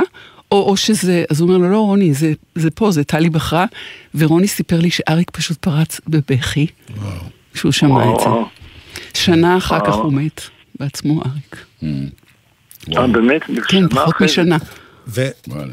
טוב, אני, אני את השיר. הזה, אני- אני-. זה נכון, אני אשמע לפני זה, אני רק אגיד לכם שבקורונה, שאימא שלי לדעתה בחיים, ב-93, 4, אה, סידרנו לה סקייפ, היא רחוב, אני רחובותי, היא גרה ברחובות ואני כבר אה, מזמן הייתי בתל אביב, אז סידרנו לה סקייפ. האינטרנט עוד לא הגיע לשם. לא, לא, סקייפ, אתה יודע, ואז העובדת הפיליפינית שלה סידרה בסקייפ, ואני שרתי לה מפה מהבית עם הפסנתרת, עוד ניפגש. אני שר לאימא שלי, הרי היה סגר, אי אפשר לראות את אימא שלי איזה חודש, חודשיים, לא יודע, אי אפשר אסור. אז שרתי לה, עוד ניפגש ויהיה לנו טוב, זה יהיה בקרוב קרוב, אל תדאגי, תקשיב, זה המילים של אריק, זה, וזה גם חלק מה... כל מיני שירים שהוא כתב, כולל השיר הזה. אתה כל אחד פתאום זה יכול הופך להיות. בזה שנשמע כאילו, כן, כאילו עוד זה מילים ניפגש. שאתה... שם טוב. אצלי זה עוד ניפגש. שם טוב, אני חושב שהשיחה פשוט חסרת תקדים בעיניי. שמי, ממש ממש תודה לך על ה... תודה, תודה לכם, וכל הכבוד שאתם עושים על הבן אדם הזה, זה, ואני, בלי קשר, אוהב אתכם, ו- וטוב ש- שנהיה בריאים כולם. תודה לך, ש- אוהבים אותך, טלי, מאוד ריגשת. מאוד מאוד. ביי ביי. עוד ביי, ניפגש. ביי. ממילים. יש כאן הכל, אבל אין אותה. את שוב עוברת ימים לא קלים. איך את שומרת, ומה עם החיוכים?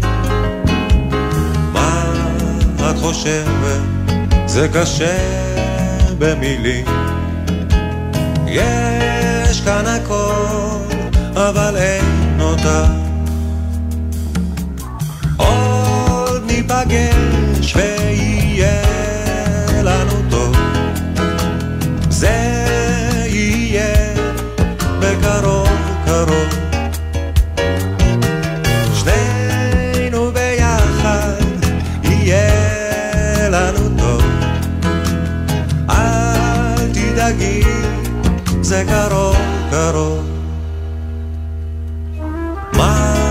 לספר לך, וזה רק מכתב.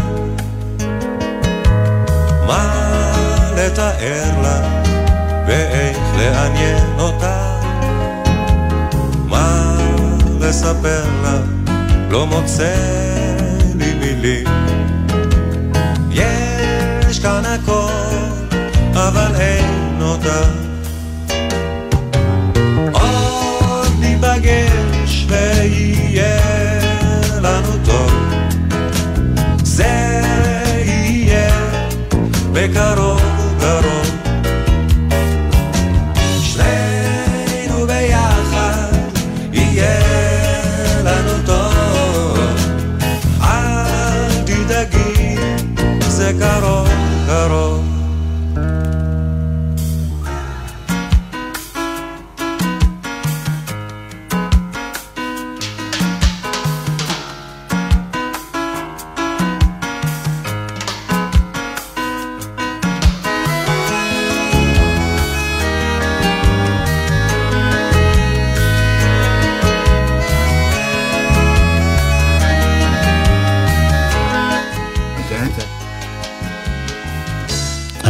מסיימים את השעה הזאת, ותהיה עוד שעה. קודם כל, יואב, תודה לך.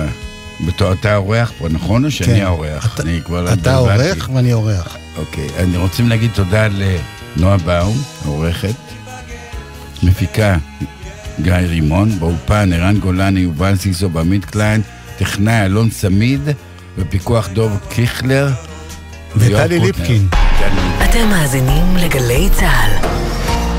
רוכבי אופנוע, יש גורמים רבים לתאונות אופנוע, אבל בסופו של דבר, החיים שנתונים בסכנה הם שלנו, הרוכבים. אז מה עושים? לוקחים אחריות, עוברים לרכיבה מודעת. למידע נוסף, חפשו אסקרלבד. בימים כאלה אין דבר יותר מרגיע מקולה של אימא. גלי צה"ל מחבקת את האימהות במתכונת מיוחדת של קולה של אימא. כמו אהבה. בכל יום מראשון עד חמישי ב-11 בבוקר ובשישי ב-10 בבוקר עם ניידת השידור מבסיסים ברחבי הארץ. גלי צה"ל פה איתכם, כל מקום, כל הזמן. מיד אחרי החדשות, יואב קוטנר ויהודה עדר.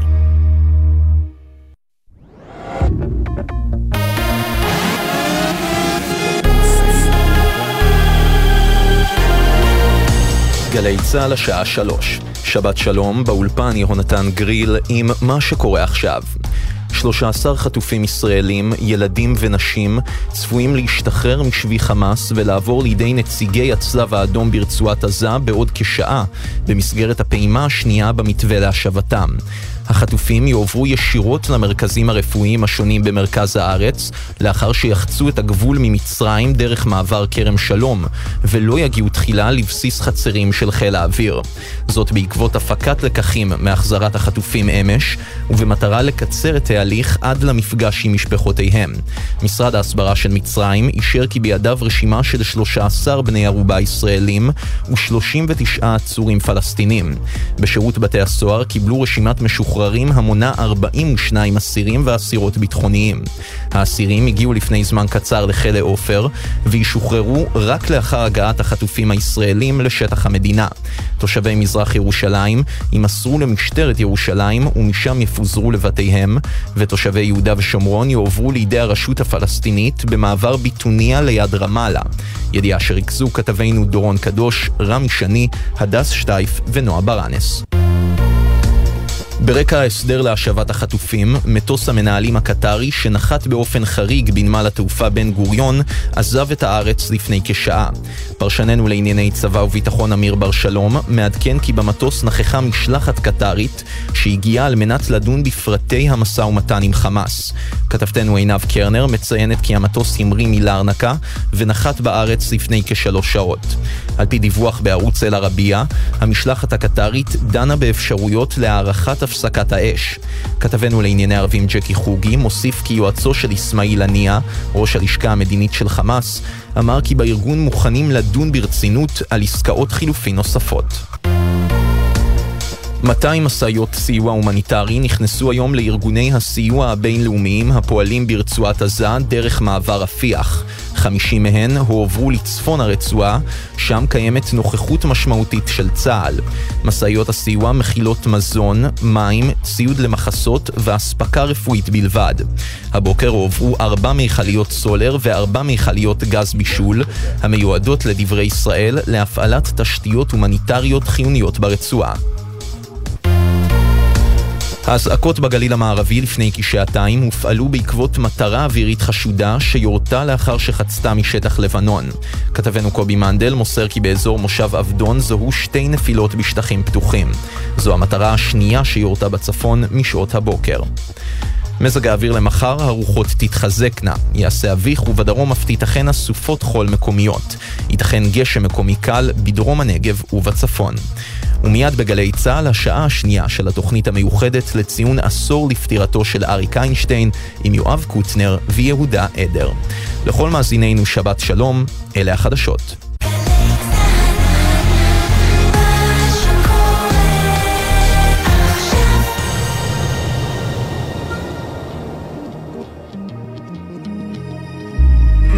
עכשיו בגלי צה"ל, יואב קוטנר ויהודה עדר. הבית של החיילים, גלי צה"ל.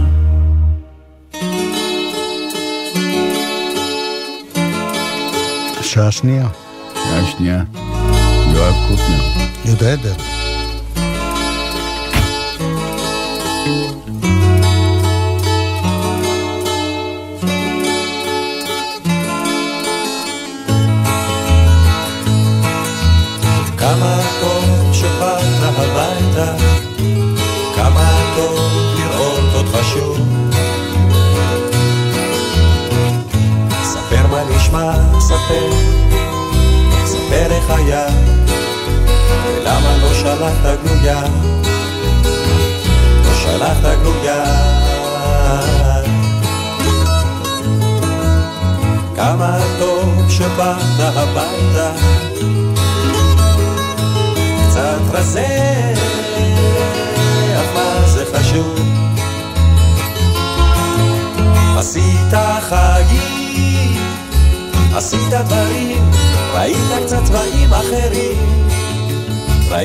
צבעים אחרים, כן, צבעים אחרים. אך כמה שטוב אתה כאן, כמה שטוב אתה כבר כאן, אה? כמה שזה טוב טוב.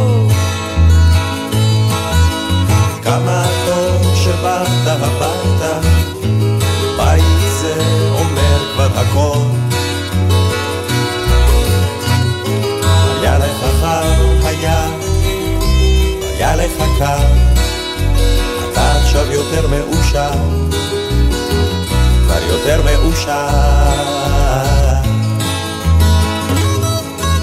אז כמה טוב שבאת הביתה, כאילו שיצאת, יצאת רק אתמול. הכל פה נשאר אותו הדבר, אתה עכשיו יותר מבוגר, אתה עכשיו יותר מבוגר, כן, יותר מבוגר. אך כמה שטוב אתה כאן,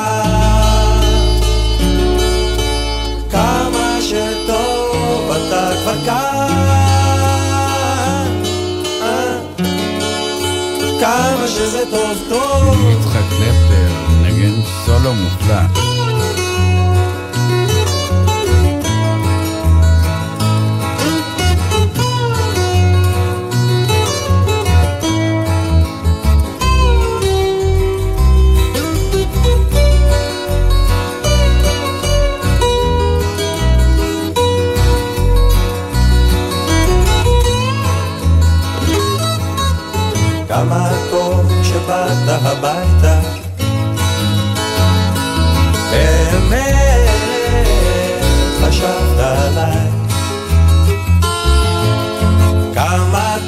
שבאת, שבאת הביתה, כמה טוב שבאת אליי. כמה טוב שבאת אליי. כן, שבאת אליי. אך כמה שטוב אתה כאן, כמה שטוב אתה כבר כאן, יודע שפעם שאלתי את שלום חנוך, אז שהיינו בתמוז, כן. הוא צריך לבחור שיר אחד שבעיניו הוא השיר הכי טוב שלו, אז הוא הפתיע אותי נורא, הוא אמר לי, כמה טוב שבאת הביתה, זה שיר שאני מרגיש שיכול להצליח בכל העולם. כאילו, אתה. יודע, הוא, לא בן אדם שנתן לעצמו מחמאות. אתה יודע, אפרופו שלום, מה אריק אמר שהשיר שהכי חשוב של שלום חנוך? פראג. וואו. כן. השיר שיהיה לא אהב. זוכר שבי היה הולך. אבל רציתי להגיד שפה בשיר הזה כמה טוב, יש ארבעה גאונים, בעיניי. כן. זה עוד בליט מילים. כן. איינשטיין זמר לא רע. כן. שלום חנוך מנגינה, ויצחק קלפטר, הגיטרה 12 בוא שלו. נדבר שנייה על יצחק קלפטר. יאללה. כי באותו זמן, יצחק קלפטר הוא בלהקת אחרית הימים, ויש את העץ הוא גבוה, שזה סולו, וואו. נבחר לסולו, לא יודע אם לקרוא לזה אקוסטי, אבל זה חשמלי, לא כסח. נכון, אבל אתה יודע שיש שם, אני גיליתי לא מזמן, שבעצם הוא מנגן בשני ערוצים, שאחת זה גיטרה קלאסית ואחת אקוסטית, והוא כן. כאילו עונה לעצמו. ולא זה- לא ידעתי גאון. שאז היה בכלל את היכולת הטכנולוגית להקליט על שני ערוצים גיטרה. אתה כן. יודע, זה... יכול להיות שהיו מכפילים. כנראה. ו... ויצחק קלפטר, שאפילו אחרית הימים ניגנו קצת עם אריק. אריק מהשנייה הראשונה התאהב בו כגיטריסט, וכל השנים תמך בו, ויש גם קטעים שהוא יורד עליו בצחוק, באהבה. איך שהוא לוקח סולואים באחרית הימים, אני כן, ואתה, כן. רבע שעה סולו, ו... אבל הוא נורא נורא אהב את הנגינה שלו, עד כדי כך שפעם דיברתי איתו על שיר שעוד מעט בטח, אה, או שנשמע או שלא נשמע, שנקרא אה, עוף גוזל. כן, חייבים לשמוע. יכול להיות, לא אמרתי שלא. כשמאיר ישראל יעלה, נשמע את זה. רגע, נכון. תכף נשמע עוד שיר שקלפטר גם, גם סולו נפלא וגם הלחין. אבל אני, מה שאני רציתי להגיד, אריק איינשטיין אמר לי על זה, תשמע, אה, אני שאלתי אותו, איך זה אה, לכתוב שיר שהופך להיות מין המנון כזה בסוף קורס בצבא, בסוף בית ספר, כולם עוף גוזל. אז הוא אמר, הטקסט בסדר, אתה יודע, בכל זאת אני לא אלתרמן, לא צריכים להגזים, ומיקי גבריאלוב, זה מאוד יפה מה שהוא עשה שם, אבל אתה יודע מה אני אוהב בשיר הזה? למה אני מחכה כל פעם שאני שומע אותו ברדיו? לסולו של יצחק קלפטר. עכשיו זה נכון, כי קלפטר... ואני מאמין לו שזה נכון. כן, כי קלפטר גם כסולן, הוא לא היה מנגן את המנגינה. לא. הוא היה מביא... תמיד מנגינה חדשה, כן, זה הייתה הגדולה שלו. תוספת, כן. נכון, זה- כאילו הוא היה הופך את הסולו שלו לחלק חדש בשיר. נכון. למעשה היום, מי שעושה דבר כזה מקבל קרדיט בשיר עצמו. הוא מביא דבר שהוא לא איזה סולו מקרי, אלא שהוא ממש סולו שהוא עבד עליו, הוא הפך להיות חלק מתעודת הזהות, וליצחק יש המון כאלה. כן. אתה יודע, והיא כל כך יפה. כן. טאו, דו, דו, דו, דו. כאילו בכל שיר שהוא נכנס הוא מביא עוד, עוד חומרים מוזיקליים. עכשיו, הזכרנו קודם את אריק כבן אדם שמצליח להוציא מאנשים שעובדים איתו הרבה. אז uh, הוא עשה שני אלבומים נהדרים עם יצחק קלפטר, שיצחק קלפטר הלחין את כולם. אחד אחרי השני, נכון? כן. אחד- של שנה. כן. אחרי הראשון הייתה לו תאונת דרכים לאריק, וואו. ואז הוא כתב את האלבום שביר, שכולו אלבום של, אה, אתה יודע, בן אדם שמרגיש כאדם, לאו דווקא הוא הפרטי, את זה שאתה בעצם שביר. אתה לא לנצח. ובתוך זה, לפי דעתי באמת אחד הסולואים הכי גדולים, זה, אתה, אני לא יודע אם בגלל זה אתה ביקשת לשמוע כן. את השיר הזה. כן. זה פשוט, אה, אתה רואה שיצחק קלפטר זה ברמה של... אה, עכשיו כבר אני לא רוצה להגיד קלפטון, כי קלפטון התברר שהוא מלכלך. כן. של קלפטון מהתקופה שהוא היה בסדר. אבל אתה הולך לשים, יכול להיות יותר זמן? צריך, אולי צריך לתת לזה אז עוד. רציתי להגיד לך עוד משהו, שאני רוצה שמי שנוסע באוטו יקשיב עכשיו. לאורך כל השיר, בעצם יצחק מנגן שם סוג של סולו מתמשך. זה לא סולו בולט כמו הסולו עצמו, אבל אין רגע שהוא לא מייצר איזו זהות מיוחדת לגיטרה. ואני רוצה להגיד גם משהו לכל מי ששומע אותנו, תקשיבו למסר. זה יהיה בסדר בסוף, כנראה.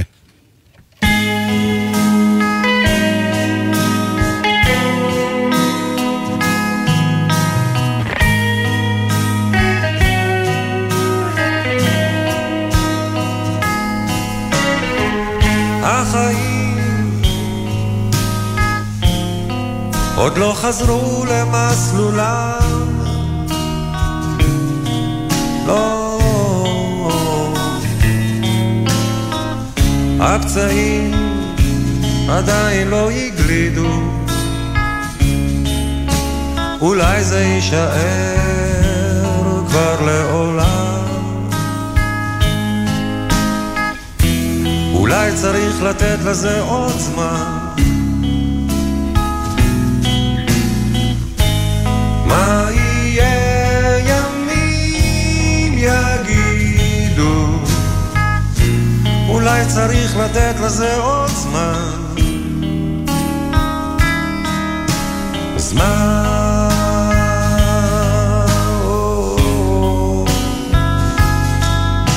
השמש הגדולה מופיעה תמיד בזמן.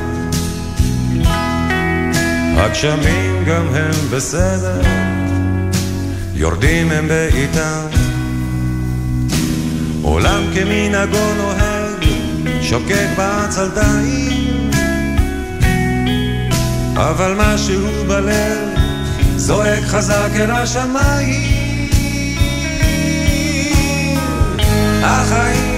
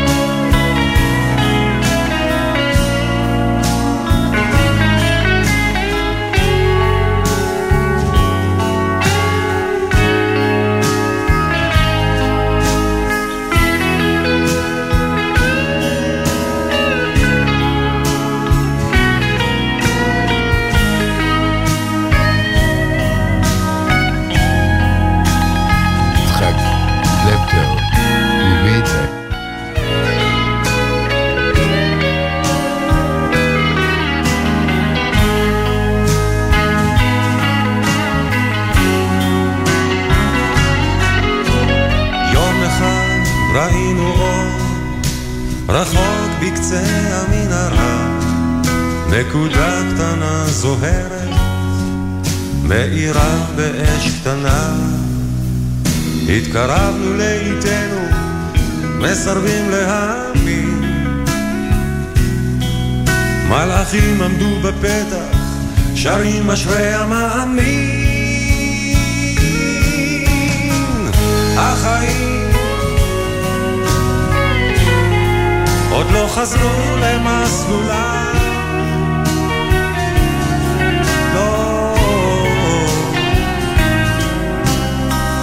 הפצעים עדיין לא הגרידו, אולי זה יישאר כבר לעולם.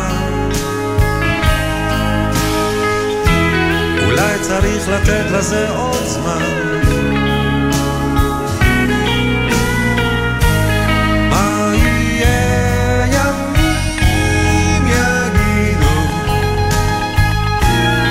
אולי צריך לתת לזה עוד זמן.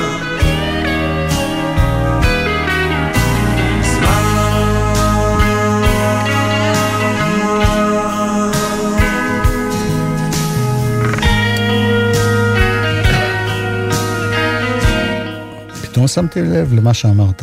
שהוא נכון. מנגן כל הזמן. כל הזמן הוא מנגן וזה, הוא יודע לתת לאריק את הספייס שלו, ולקחת את הסולו שצריך. ו... השאלה אם אתה שמת לב למה שאני אמרתי. שצריכים להקשיב למסר של השיר הזה. אני בחרתי את השיר הזה, כאילו... זה מסר של עידוד ושל, אה, אתה יודע, כן. הייתה פה כן. אה, גיא רימון, שלפני השידור הקליטה אותנו, גם אותך וגם אותי, נכון. לדבר לקראת יומן הבוקר של מחר. כן. והיא שאלה אותי איך זה שהרבה שירים של אריק אה, מתאימים למלחמה. אז אמרתי לו, הוא, הוא, שר, הוא שר על המצב שלנו. נכון, המצב כל הזמן. שלנו שאנחנו תמיד, נכון. אם אין מלחמה, אז יש פיגועים, אם אין פיגועים, אז יש... התשה. לא, ו- תמ... כן, זה, זה החיים שלנו, והבן אדם שכותב על החיים במקום הזה, זהו, אנחנו עם עוד אה, חבר, חבר נפש. גם שלך וגם של מאיר. נכון. מאיר ישראל. מאיר, אתה איתנו? כן, כן, אהלן, מה שלומך? מאיר, מה שלומך? בסדר. אני בסדר, ברוך השם, איך אתם? ממש... אותו דבר. ממש בטוב, אנחנו תכף נתקיף אותך בשאלות. יש לי שאלה אחת שרציתי לשאול אותך. אתה יודע, בדרך כלל, אה, כשאתה מדבר עם מישהו מהמלחינים שעבד עם אריק איינשטיין, אז אה, תמיד הם אומרים שהוא היה נורא בלתי אמצעי ודיבר איתו ולא נתן לו להרגיש שהוא מעליו או מתחתיו. או...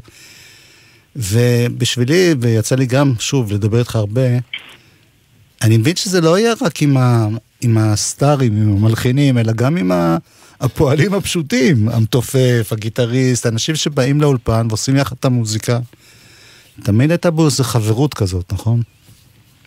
תמיד. ארי קודם כל נתן מקום לכולם, הוא היה תמיד אחרון. מבחינתו הוא האחרון. קודם כל אתם, אתם מבסוטים? עושים טייק. הטייק טוב, מוצא חן בעיניכם, הכל עבר בכיף, בסדר? אז הוא גם מבסוט. תמיד הוא היה שואל אותנו, נו, מה אתם אומרים? זה הטייק או נעשה עוד אחד? אם היינו אומרים עוד אחד, עושים עוד אחד, אם לא, זה היה נשאר זה. וזה נותן תחושה שהוא סומך עליך. כי אם הוא... אה, בדיוק. נכון. ברגע בדיוק, שהוא שואל בדיוק. אותך, אתה רוצה עוד אחד, אתה אומר לו, אריק, אני אוהב מה שיצא, אז אני בטוח שהוא שמח עליך שאתה יודע על מה אתה מדבר. נכון, בדיוק, בדיוק, זה היה אריק. ואיך היה... בהחלט. איך, איך, אה, ספר קצת על שגרת העבודה. כי חוץ מזה שאני יודע... כן, שהוא היה מצחיק וכאלה, הוא היה בן אדם שהיה בא לעבוד, או אתה יודע, כמו כל הסטארים של ימינו, ש... תראה, אריק, לא, אריק עושים את העבודה והוא בא.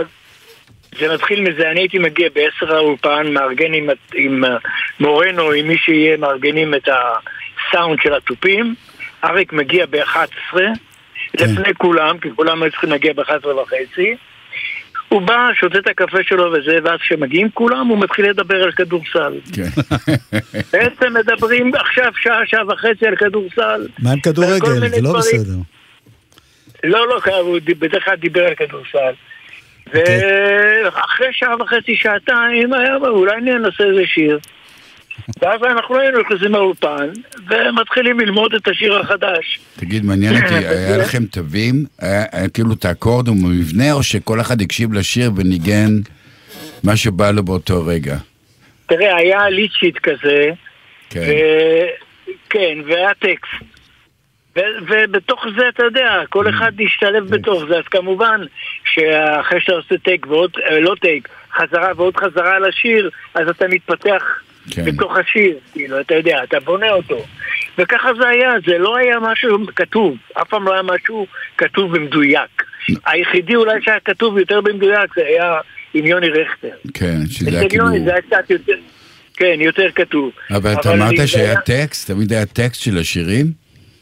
תמיד היה טקסט של השירים, תמיד וואו. התייחסנו לטקסט, בטח, תמיד. זה... דרך זה- אגב, אתה יודע כמה- כמה שירים ארי כתב טקסטים? 103. מעל 100. אתה פרסמת היום. 113. נכון. 100, 13. נכון.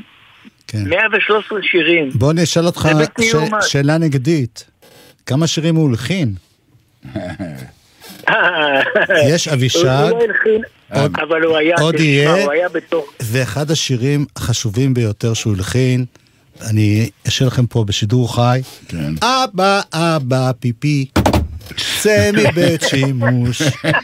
אבא, אבא, קקי. עכשיו, בסוף האבא לא יוצא והילד בורח לו במכנסיים. מה זה? מתקליט ילדים. אה, וואו, לא ידעתי. לחן- ומילים אריק איינשטיין. מה שברור שאתה מתופף פה שנים. אה, מאיר, ספר להם על ה... על השיטה של אריק איינשטיין להפוך שמות. איך קראו, איך אריק איינשטיין קרא לך? לי הוא קרא מחשיך מצרים. מחשיך מאיר ישראל. מחשיך מצרים. כן. והיה לו את הרחוב שובבי ציון. חובבי ציון, חובבי. חובבי ציון, והוא כן. קרא להם שונאי פלסטין. משהו, לא? כזה. כן, הוא היה גדול, לא, וזה כל אחד היה לו שם, אתה יודע. יוני אף ארוך, אני יודע, כל מיני כאלה היה לו. תגיד, אתה... נכון, הגעת בהרבה מאוד תקליטים שלו, נכון? כן. אבל רציתי... אני, כן, בקשר בטח, לזה מלא. רציתי גם לשאול, כי כל התקופה הזאת של אה, סן פרנסיסקו על המים, כן. אה, זה כאילו אה, בעצם, זה- לפי, לפי מה שאני הבנתי, זאת חבורה כזאת. הרי ההיכרות ביניכם התחילה עוד בלהקת תמוז, נכון? או שעוד לפני? אה, עם אריק? כן, ההיכרות ביני לבין אריק? כן. לפני זה, בסלעת. סלט סלט ות- ההופעות. סלט ותמוז, אה, ההופעות. כן, זה אותו זמן. תמוז כן, אה, קרה אה, אחרי סלעת. כן, כאילו, או בתוך סלעת, אתה יודע, בתוך- כן. בתוך סלעת. כן, אבל עם, עם אריק התחלתי בעצם בסלעת בהופעות. מאיר, אתה זוכר שהוא רצה לקרוא ללהקה שלנו אולימפיאדה? כן, הוא הביא כמה שמות. לו, אבל- "אה, מה זה אולימפיאדה? כי הוא נורא אוהב ספורט. מה זה אולימפיאדה? אז הוא אמר, אתה יודע מה? קח תמוז. אמרנו לו, למה? הוא אומר, תמוז, זה קיץ, זה כיף. אמרנו, יאללה, כן. בסדר, היינו להקה שקיבלה כל דבר שאריק אמר. בצדק. הוא כן, ממש הוביל זה אותנו. לקח לנו אבל איזה שתי דקות לחשוב על השם. לא, מה שאני זוכר זה שהיינו בחזרה שם למטה, באגר. במשרד, אתה זוכר? כן. ואריק פותח את הדלת באמצע החזרה, נכון. מכניס את הראש, ואומר יש לי שם בשבילכם, ואז הוא זרק כמה שמות. ו- ואחד מהם זה היה תמוז, סגר, ואמר תחשבו על זה, סגר את הדלת והלך. הוא היה לא באמת, הוא היה. קופירייטר, הוא הביא הרבה שמות, כן. אבל יותר מזה, אני חושב, מאיר, מאיר, אני חושב שהוא גם נורא אהב לעזור, הוא רצה לעזור לנו, הרי עשינו חזרות ללא. כסף אצלו במשרד, נכון, והיינו נכון, יודעים הוא לאכול. שם את השווארמה אצל, אה, בכתר המזרח אצל אברהם. אבל נכון. אני זוכר שהוא היה מגיע גם להופעות שלנו, לא רק לבכורה, היה מגיע להופעות, מיקי מספרת שהיה להם מקום קבוע, שהם היו פשוט באים בצוותא ורואים את ההופעות שלנו. כן. הוא נורא נורא זה- זה היה פרגן. בחינם, זה לא חוכמה. תשמע, אני זוכר מה אריק אמר אחרי ההופעה הראשונה. גם- אחרי ההופעה הראשונה... יש לי הקלטה של זה אם אתה רוצה. מה, מה שהוא אמר? אם זה עם אה, מילה שאסור להגיד ברדיו, זיונים. כן, בדיוק, בדיוק. אז כן, מילה יש לי... הק- שאסור להגיד ברדיו. אז, אה, אז מה הוא אמר? איזה מילה? איזה אסור מילה? להגיד ברדיו. זיונים, זה- משהו צבאי, זה אנחנו חימוש. היינו על הבמה, היינו ב- ב- היינו על הבמה ב- בשיר האחרון, ממש סיימנו את ההופעה, אנחנו יורדים אחרי סוף ההופעה, יורדים לחדרי הלבשה, אריק אמר- ישר- כבר עמד שם, בחדר ההלבשה, ואז הוא זורק לנו, אה, יהיו לכם, אתם להקה מדהימה, יהיו לכם הרבה ג'גדה, וזהו. אל תגיד תודה, עד שאני... אני אלך לכלא בגלל מה שאמרתי ואתה תשב לך שם בבית? נכון. מה לא הוא אמר? לא. מה הוא לא אמר? נעים, נו. מה- טוב, טוב. אה, סן פרנסיסקו? לא, לא נעים, לא נעים, עזוב, זה לא ימים נש- להגיד כאלה. נשמע קצת סן פרנסיסקו ותספר באמת, אנ- אנשים חושבים שזה שיר כזה אה, גם פטריוטי וגם... תספר כל התקופה ועל השיר ולמה נסעתם לארצות הברית בעצם. אה, למה נתן? אבל תן קצת לשמוע. אנחנו נשמע לא, ונחזור אליך עוד שנייה, מאיר. תודה. אוקיי, בסדר. יושב בסן פרנסיסקו על המים שוטף את העיניים בכחול ובירוק יפה בסן פרנסיסקו על המים אז אז איך זה שאני מרגיש רחוק.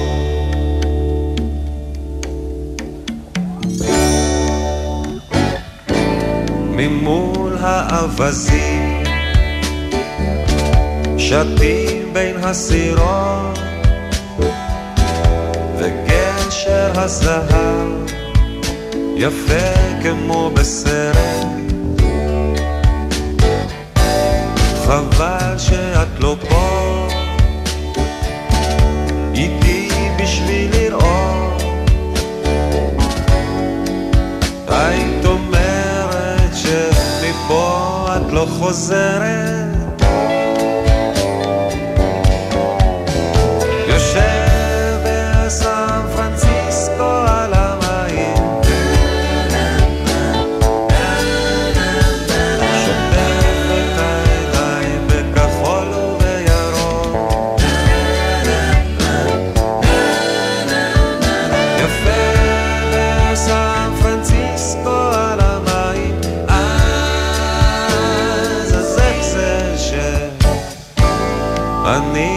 מרגיש רחוק.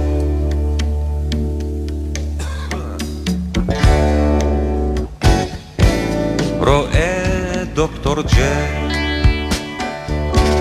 קורא הרשתות וקרים אבדול ג'באר נוגע בשמיים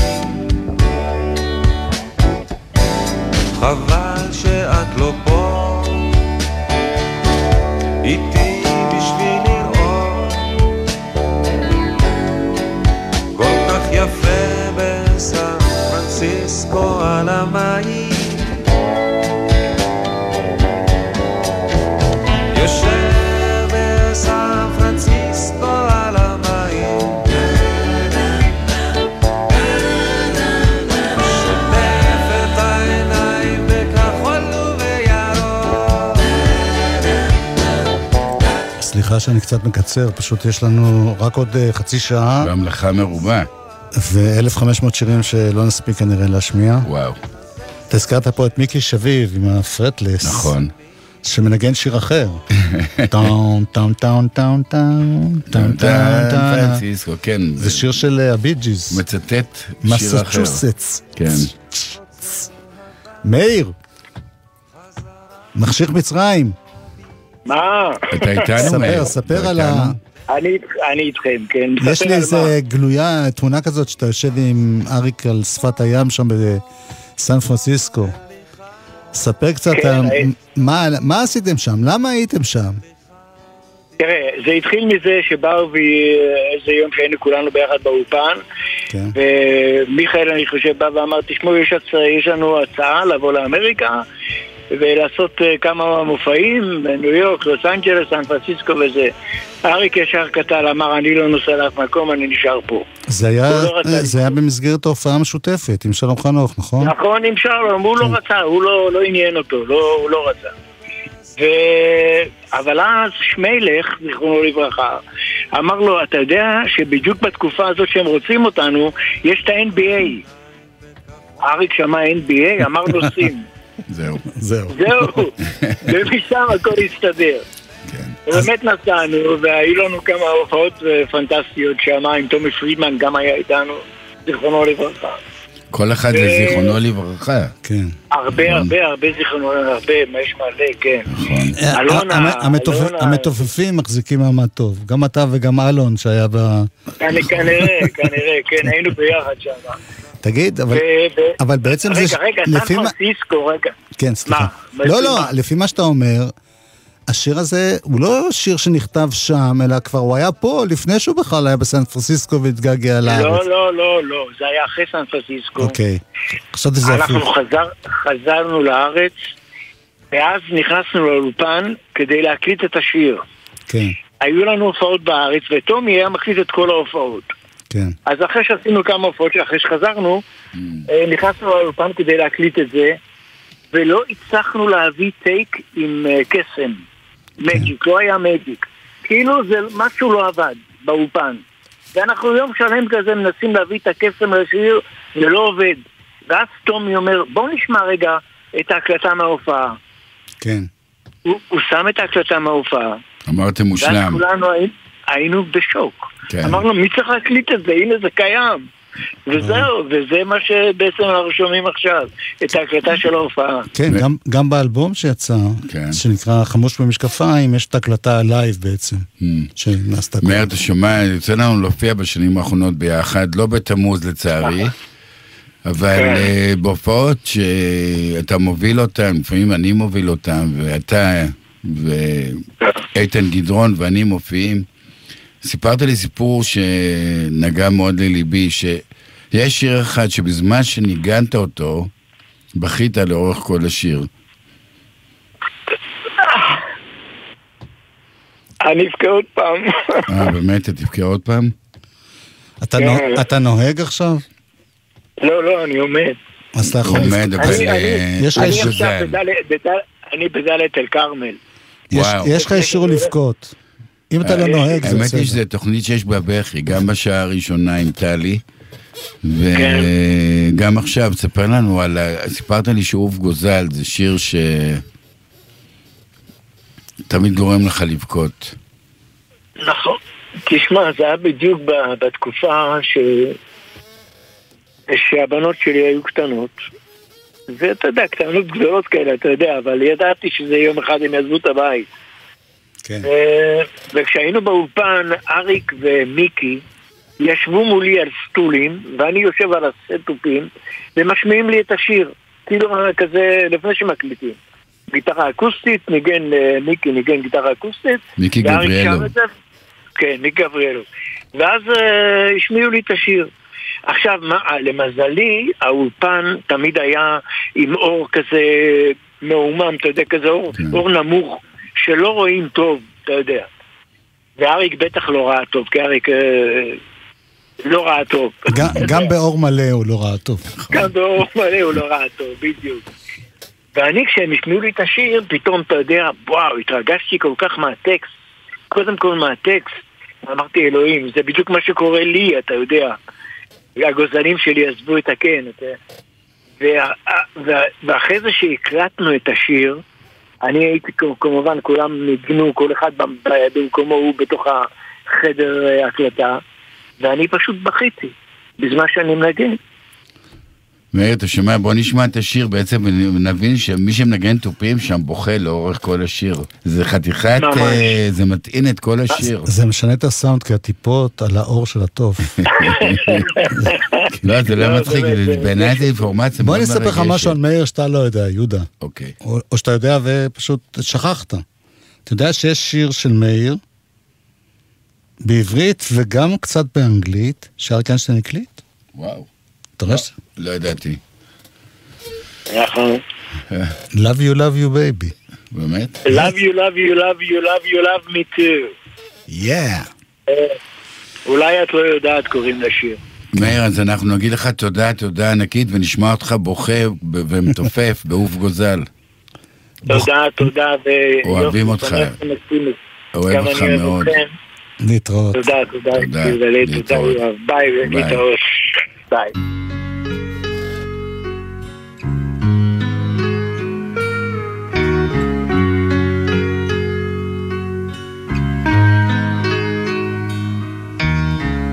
הגוזלים שלי עזבו את הקן, פרסו כנפיים ועפו. ואני ציפור זקנה נשארתי בקן, מקווה מאוד שהכל יהיה בסדר. תמיד ידעתי שיבוא היום שבו צריך להיפרד. אבל עכשיו זה ככה בא לי פתאום. אז מה הפלא שאני קצת דואג? גוף גוזל חתוך את השמיים, טוס לאן שבא לך, רק אל תשכח, יש נשר בשמיים, גור לך.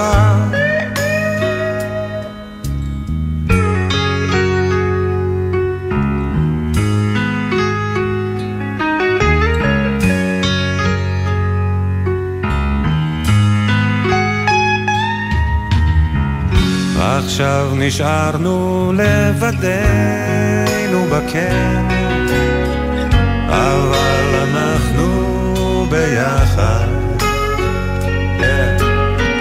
חבקי אותי חזק, תגידי לי כן. אל תדאגי ביחד, כיף להזדקן. עוף גוזל חתוך את השמיים, טוס לאן שבא לך, רק אל תשכח, יש נשר בשמיים, גור לך. אני יודע שככה זה בטבע וגם אני עזבתי, כן. אבל עכשיו, כשבא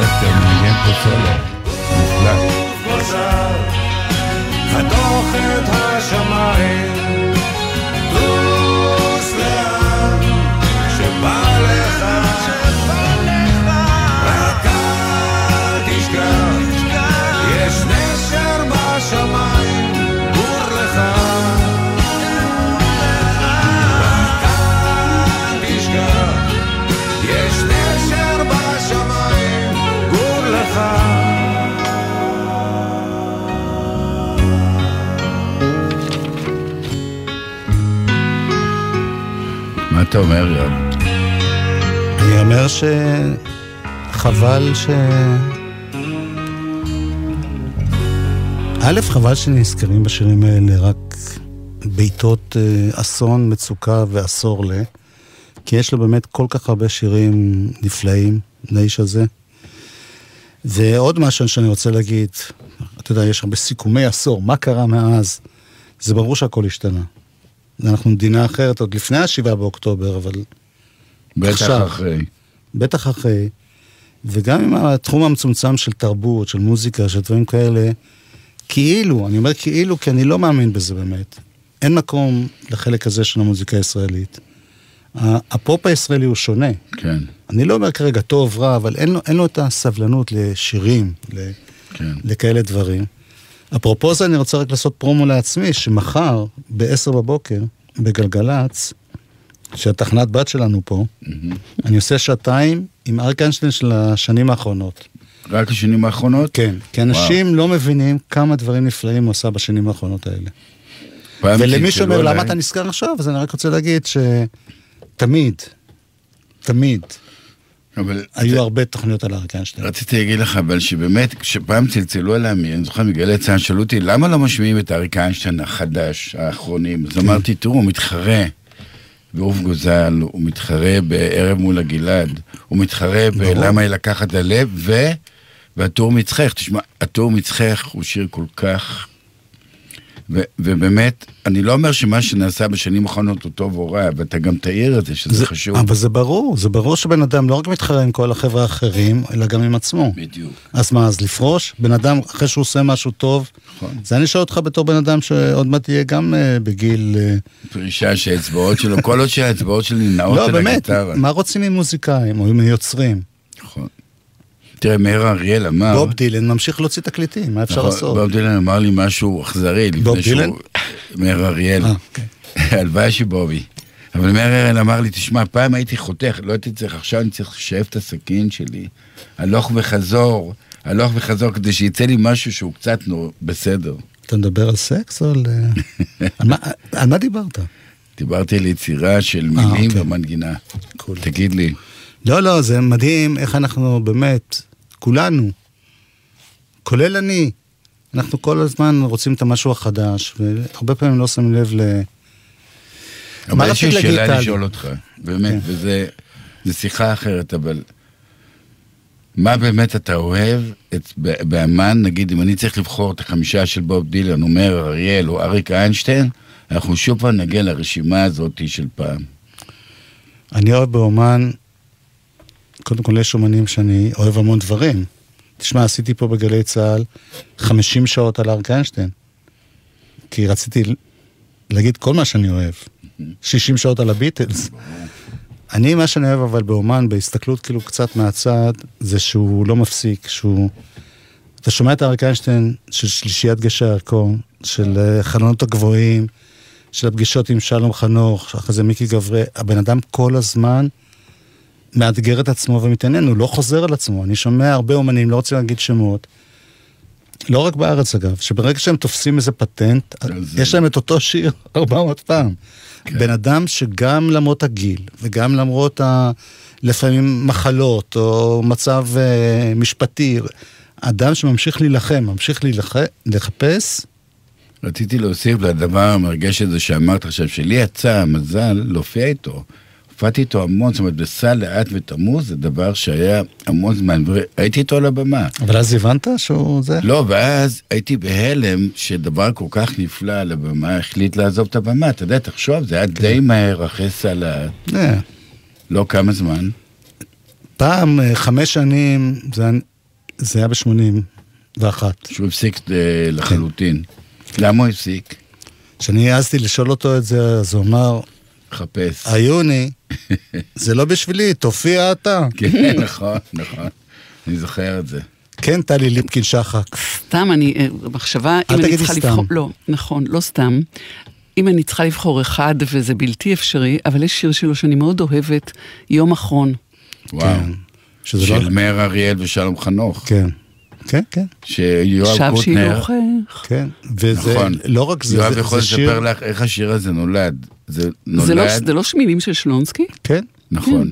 אבל מה שהם עשו, הם שלום הלחינו את זה בו חנוך. זמנית. שלום כן. חנוך ומאיר הראל ישבו, וכל אחד הלחין שורה. ממש ככה. אה, אבל- באמת? לא אבל ידעתי. לא הבאנו אותו לפה. טוב, אני אשמיע אותו באחת התוכניות, אני- אני משמיעה אותו המון. אני חושב. שאת צודקת, זה ממש כאילו, זה איך מאיר אריאל מלחין, יחד עם שלום, הוא הלחין, הרי זה מילים של שלונסקי, וכל כך, כל כך מיוחד ויפה ומורכב. ואחר, נכון. מורכב, וכמו שאמרתם קודם, גם את השירים המורכבים, הוא שר פשוט. לגמרי. זה תמיד עשה את זה, זה ככה. זה הכי קשה להיות פשוט. מהמם. אני, זה, אני מסכים, ערב מול הגלעד, לאוצה של ה... ערב מול הגלעד, אני מנסה לפעמים לשיר את זה בעצמי, ואני אומר, כל כך גרוע לעומת אריק איינשטיין, באמת, אתה לא יכול להגיע ל... זה אגב, זה, מה שאתה אומר זה מעניין, כי היו לנו כמה, גם שנינו ביחד וגם כל מיני ארגונים מסביב, שמדי פעם מקליטים שירים של אריק איינשטיין. אבל למשל, לעומת מאיר אריאל, שכמעט כל הרפרטואר שלו הוקלט על ידי אנשים. ולאורך אנשים השנים. הרבה פעמים מפחדים לגעת באריק איינשטיין. כי- בצדק. כי הגרסה שלו כל כך מושלמת, מהמם. שאו שאתה עושה משהו... אביתר. בנה שר את הטור מצחך, נכון. במין עיבוד שאתה בכלל לא מזהה את השיר המקורי, זה בסדר. וגם דרך אגב בשיר רימון, ברימון קורות, שמישהו בוחר שיר של אריק איינשטיין, הוא לא עולה לגמר. כי אני אומר לו, איך לא עליתי לגמר? אמרתי לו, שרת יפה, אבל יש שם איזה אחד, שהוא גדול הזמרים. אז נשמע את הטור מצחך, בכל זאת נבחר אה, מדי פעם לשיר הכי חשוב בהיסטוריה האנושית, או לפחות... אה, במזרח התיכון. או לפחות... אתה יודע מה מיקי גברלוב סיפר לי? שהוא היה... הוא פגש את יוני רכטר בזמן שהוא ומיקי התחילו לעבוד שוב. ויוני רכטר אמר לו, תשמע, אני מוציא שיר עם אריק, אלינור ריגבי שלנו. על זה הוא דיבר? כן. ואני גם רוצה לספר סיפור. אני בברקלי עם אלון אוליארצ'יק, ויוני רכטר מגיע לבקר אותנו. אני הייתי איתו במלחמת 73 ביום כיפור, היינו ביחד, טסנו בהרקולס, והוא אומר לנו, יש לי איזה שיר, אני לא יודע אם הוא טוב. אני חייב להגיד לך, ככה זה בדיוק היה, והוא שם את הטור מצחך, ואני ואלון נופלים. הוא אומר לנו, זה יוצא באיזה אלבום אוסף, שאבנר קנר, הזה. ו- ארץ ישראל הישנה והטובה, חלק ג'. נכון, שאבנר קנר אה, איבד את זה, ופשוט לא האמנו שזה מה שאנחנו שומעים, ואתה יודע, שאמן משמיע לך שיר, הוא אומר, אני לא בטוח שזה טוב, אז כן, טוב, זה... אה, רציתי, אם כבר אנחנו מדברים, מה את רוצה, שנפסיק לדבר? לא, להפך, לוודא שזה הביצוע הנכון. כן, כן, זה ביצוע. גם זה יש שני ביצועים של אריק עצמו. תגיד, למה הוא הקליט את זה פעמיים? תכף, קודם אני רוצה להגיד לך משהו על היצירה. כי אנחנו אמרנו, התוכנית הזאת, הייחוד שלה, יש שמדברים הרבה על הצד של המוזיקה. נכון. עכשיו, הרבה אנשים, אני אמרתי את זה קודם, מהבחינה הזאת שאריק הוא לא סתם זמר, הוא המארגן. אז אריק איינשטיין, 1977, 8, רוצה לה, להקליט את השיר הזה. יש לו כמה שירים של חלפי שהוא אוהב. תוכי יוסי אומר, מתאים לי מיקי גבריאלו, וזה, זה שם טוב, וכולי. הוא לוקח את השיר, מביא אותו ליוני רכטר, ואז הם עובדים ביחד. נכון. הוא מענה אותו שנה נכון. עם כל מיני, ואז בשיר יש את העניין של הפזמון, זה יוני בעצמו מספר. את אומר, אוהבת. כן. אז יוני מנסה כל מיני לחנים, את אוהבת להיות, לא יודע מה, אני ממציא.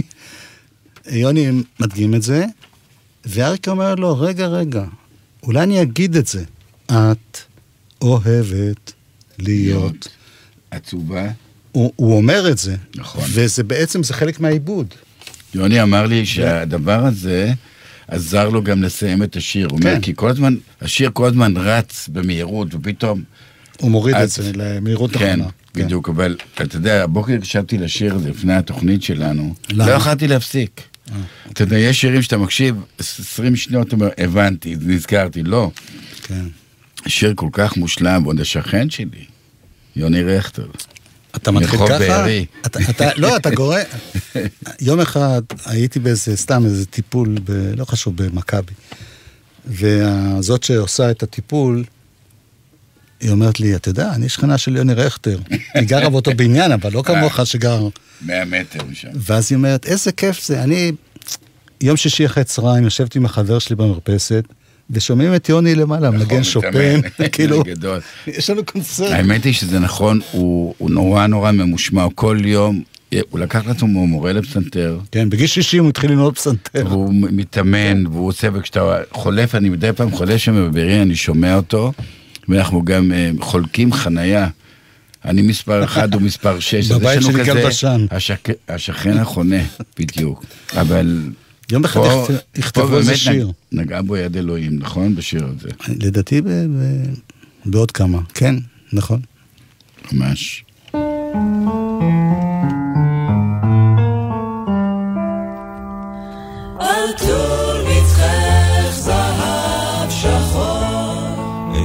זוכר אם כתבו כך בשיר מצחך מתחרז עם עיניים ואור אינני זוכר אם חרזו כך בשיר אך למי שתהי חייב להשאיר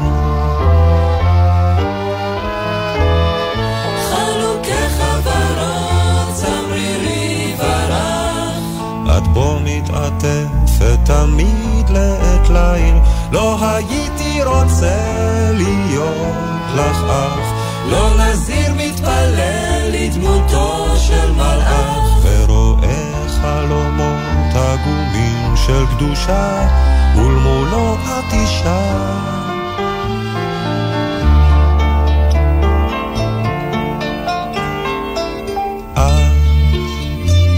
אוהבת להיות עצובה ושותקת, להקשיב לסיפור על קרוב, על רחוק, ואני שלא פעם אביט בך בשקט אין קול ודברים, שוכח הכל אודות אחרים. שוכנת נפשי בין כותלי ביתך. ושבויה בין כתלייך נפרדת את אני בגופי נפרד ממך פרוס חלומי כמרבד לרגלייך צעדי אהובה על פרחת פציעותייך, לכשחלוקך עברון לאטלייך.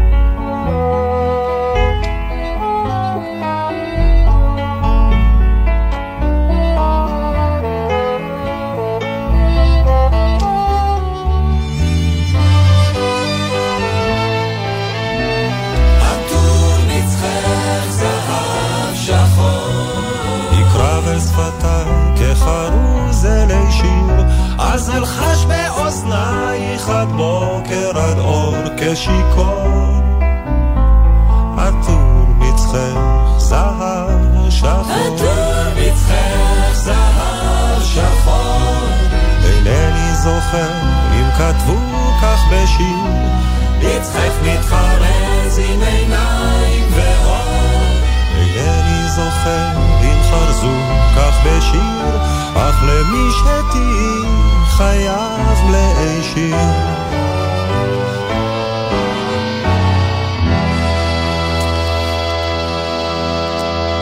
איזה שיר. אתה יודע, יוצא לי מדי פעם להנחות כל מיני, או לעשות הרצאות וזה. מה שאני כל כך אוהב בשיר הזה, שאף אחד מהקהל לא מנסה לשיר. זה כאילו, זה שיר שקשה לשיר אותו. ואג- ואגב, אני רוצה להגיד עוד משהו, גם על יוני, גם על מיקי, גם על שמי. כשארקנשטיין התחיל, כל שנות ה-60 וכל הלהקות שהוא היה, הוא התחיל לכתוב גם מילים, אבל היה בזה משהו, הוא תמיד, הוא די היה שייך לתקופה הזאת שלא שרים אני, וגם גם אם אתה שר אני, אז זה אני, אני כזה כללי.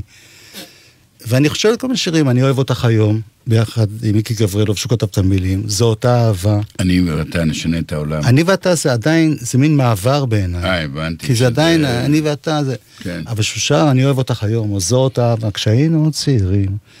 זאת אומרת, אתה מרגיש שהבן אדם מרשה לעצמו להיות, להיות לגמרי הוא, להיות אינטימי, וזה הרבה בזכות השותפים האלה. שהיה לו דו-שיח איתם. כן. נכון. איזה אנשים, אה? אני קודם איזה רציתי להגיד לך, סתם. לספר סיפור, כי אני כל הזמן מתעסק בעניין של ה- הצד האומנותי של אריק איינשטיין, כי אפשר באמת לדבר עליו המון שעות. אה, העניין של, ה... של המילים, בשיר "הכניסיני תחת כנפך", אומר כן תפילותיי. כן. וזה ביאס אותו שנים. כי יש לומר כאן. כאן תפילותיי, אבל אמר לא יבינו, זה כאן עם קוף. כן, ברור. ו... ואז נזכרתי בסיפור שהיה לי איתו, שאני הגעתי לגלי צה"ל באמצע שנות ה-70, הוא כל הזמן, שהתחלנו להכיר, זה כמה שנים אחרי זה, הוא אמר, אם אתה יכול את התקליט עם רוח סתם של להקת הנחל להחביא, מעניין למה. שלא ישמיעו. כן. זה אומר, מעניין למה, כי זה שיר נורא יפה, אפילו הוא חידש אותו. זה ממנה. למה? כי יש שם שורה, שאגב, יורם גאון משתתף, לנערה שוב, שוב אין אומרים, אה. היי בובה מותק, בואי לרקוד. נערה זה מה שהחמור עושה. וצריך להיות נערה. לנערה. אה, לנערה? כן. וזה עצבן אותו שהוא טועה בעברית, הוא היה, בטח, נעמי פולני בטח עבדה. אמרה לו, אמרה לו. לא, היא הייתה איתו בלהקת הנחל, והיא לימדה אותם כל הבהרה, כל דבר. וזה היה אחד הדברים שהכי הכי אפיינו אותו. ההיגוי הנכון, אבל לא רק מבחינת דיקציה, אלא מבחינת מאיפה אתה מביא את זה. כל מילה, הוא היה כמו שחקן שנמצא בהצגה ולומד את התפקיד, לכן הוא היה מגיע לאולפן בכלל בלי דף מילים. לא רק בשירים שלו, שר אלתרמן, אתה יודע. כי הוא לומד מאיפה להוציא את זה. אתה יודע, זה מזכיר לי מה שאתה אומר, מה שנעמי פולני אמרה. מאיזה מרום אתה כל כך צנוע. כן. אתה יודע, יש לה... אריק איינשטיין בדיוק התאים לזה, הוא היה מאוד מאוד צנוע בגישה שלו למילים, לשירים וכל הדבר הזה. ואל תשכח מה, מה כתוב על הקבר שלו. כתוב ציטטה מעוף גוזל, אבל הציטטה היותר בולטת, משיר של אברהם חלפי, אני מצמצם את עצמי כדי נקודה אלמונית שלא להטריד בגופים מלכויות. וואו, זה, זה ממש מרגש. זאת אומרת, זה הבן- אדם עם כל ההצלחה והפרסום והכבוד וכולי, הוא הרגיש קטן, הוא הרגיש צנוע. אתה יודע, הוא היה צנוע. הוא היה נורא צנוע, הוא היה גם תמיד חייב לזכור הכל. ברור. ואחת בלילה, אני מקבל טלפון, הוא אומר, יהודה, תגיד, מה שם הבוטיק שאתה גר מעליו? וזה נקרא בוטיק ספונטני. אמרתי, איזה בן אדם מתקשר אליך לשאול שם של בוטיק באחת בלילה, אחרי שלוש שנים שלא שמעת ממנו. ילדים קטנים, ילדים גדולים, ילדים טובים וילדים רעים. את יודעת, אמא, כולנו ילדים של החיים. אני נושם, אני חבוק בזרועותיי. אני רואה בך אוקיי, יואב. כן. אני רציתי לפני שאני אגיד לך אהבה, להגיד תודה לעורכת נועה באום, למפיקה גיא רימון, ובאולפן ערן גולני, יובל סיסו ועמית קליין, טכנאי אלון צמיד, בפיקוח דוב קיכלר, טלי, תודה, תודה ענקית. תודה לכם, אה, יהודה ויואב יואב ויהודה. מיד אחר כך יעל דן. אני רואה אותה. והנה עוד מעט ישוחררו עוד 13 ילדים, וואו. כולנו ילדים של החיים ממש. ואימותיהם. תודה לכם. טלי, תודה, יואב. יהודה. כמוך היי, בעולם. תודה. תודה, יהודה. כולנו ילדים של החיים.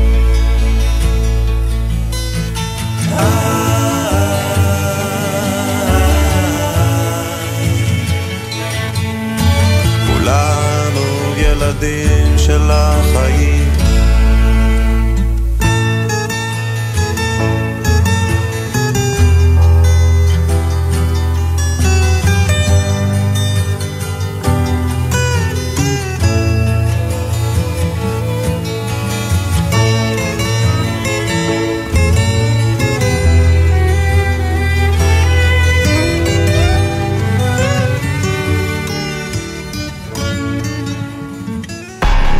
אתם מאזינים לגלי צה"ל. בהישמע אזעקה בזמן נהיגה, יש לעצור את הרכב בבטחה ולהיכנס מיד למרחב מוגן. בהיעדר מרחב מוגן סמוך, יש להתרחק ככל האפשר מהכביש, לשכב על הקרקע ולהגן על הראש בידיים. בכביש בין עירוני, ייצרו בזהירות בצד הדרך, רחוק ככל האפשר מהכביש, הדליקו אורות חירום, שכבו על הקרקע מעבר למעקה הבטיחות והגנו על הראש בידיכם. לאחר עשר דקות אפשר לחזור לרכב ולהשתלב בזהירות בתנועה. עוד פרטים באתר פיקוד העורף, באתר הרלב"ד ומשרד התחבורה. היי, כאן פז פדיה, לוחמים במילואים, דרגת רס"ל, בגדוד 403 של תותחנים. כאן סמ"ר במילואים רועי סוקולובסקי מחטיבה 769. כאן רס"ל שי זינגבוים, טנקיסט ב-401. מה שהכי מרים לי זה השקיעות והזריחות היפות בשטח. לראות את כל התרומות וההתגייסות של עם ישראל. איך כולם מתגייסים כל אחד במה שהוא יכול. ביחד ננצח.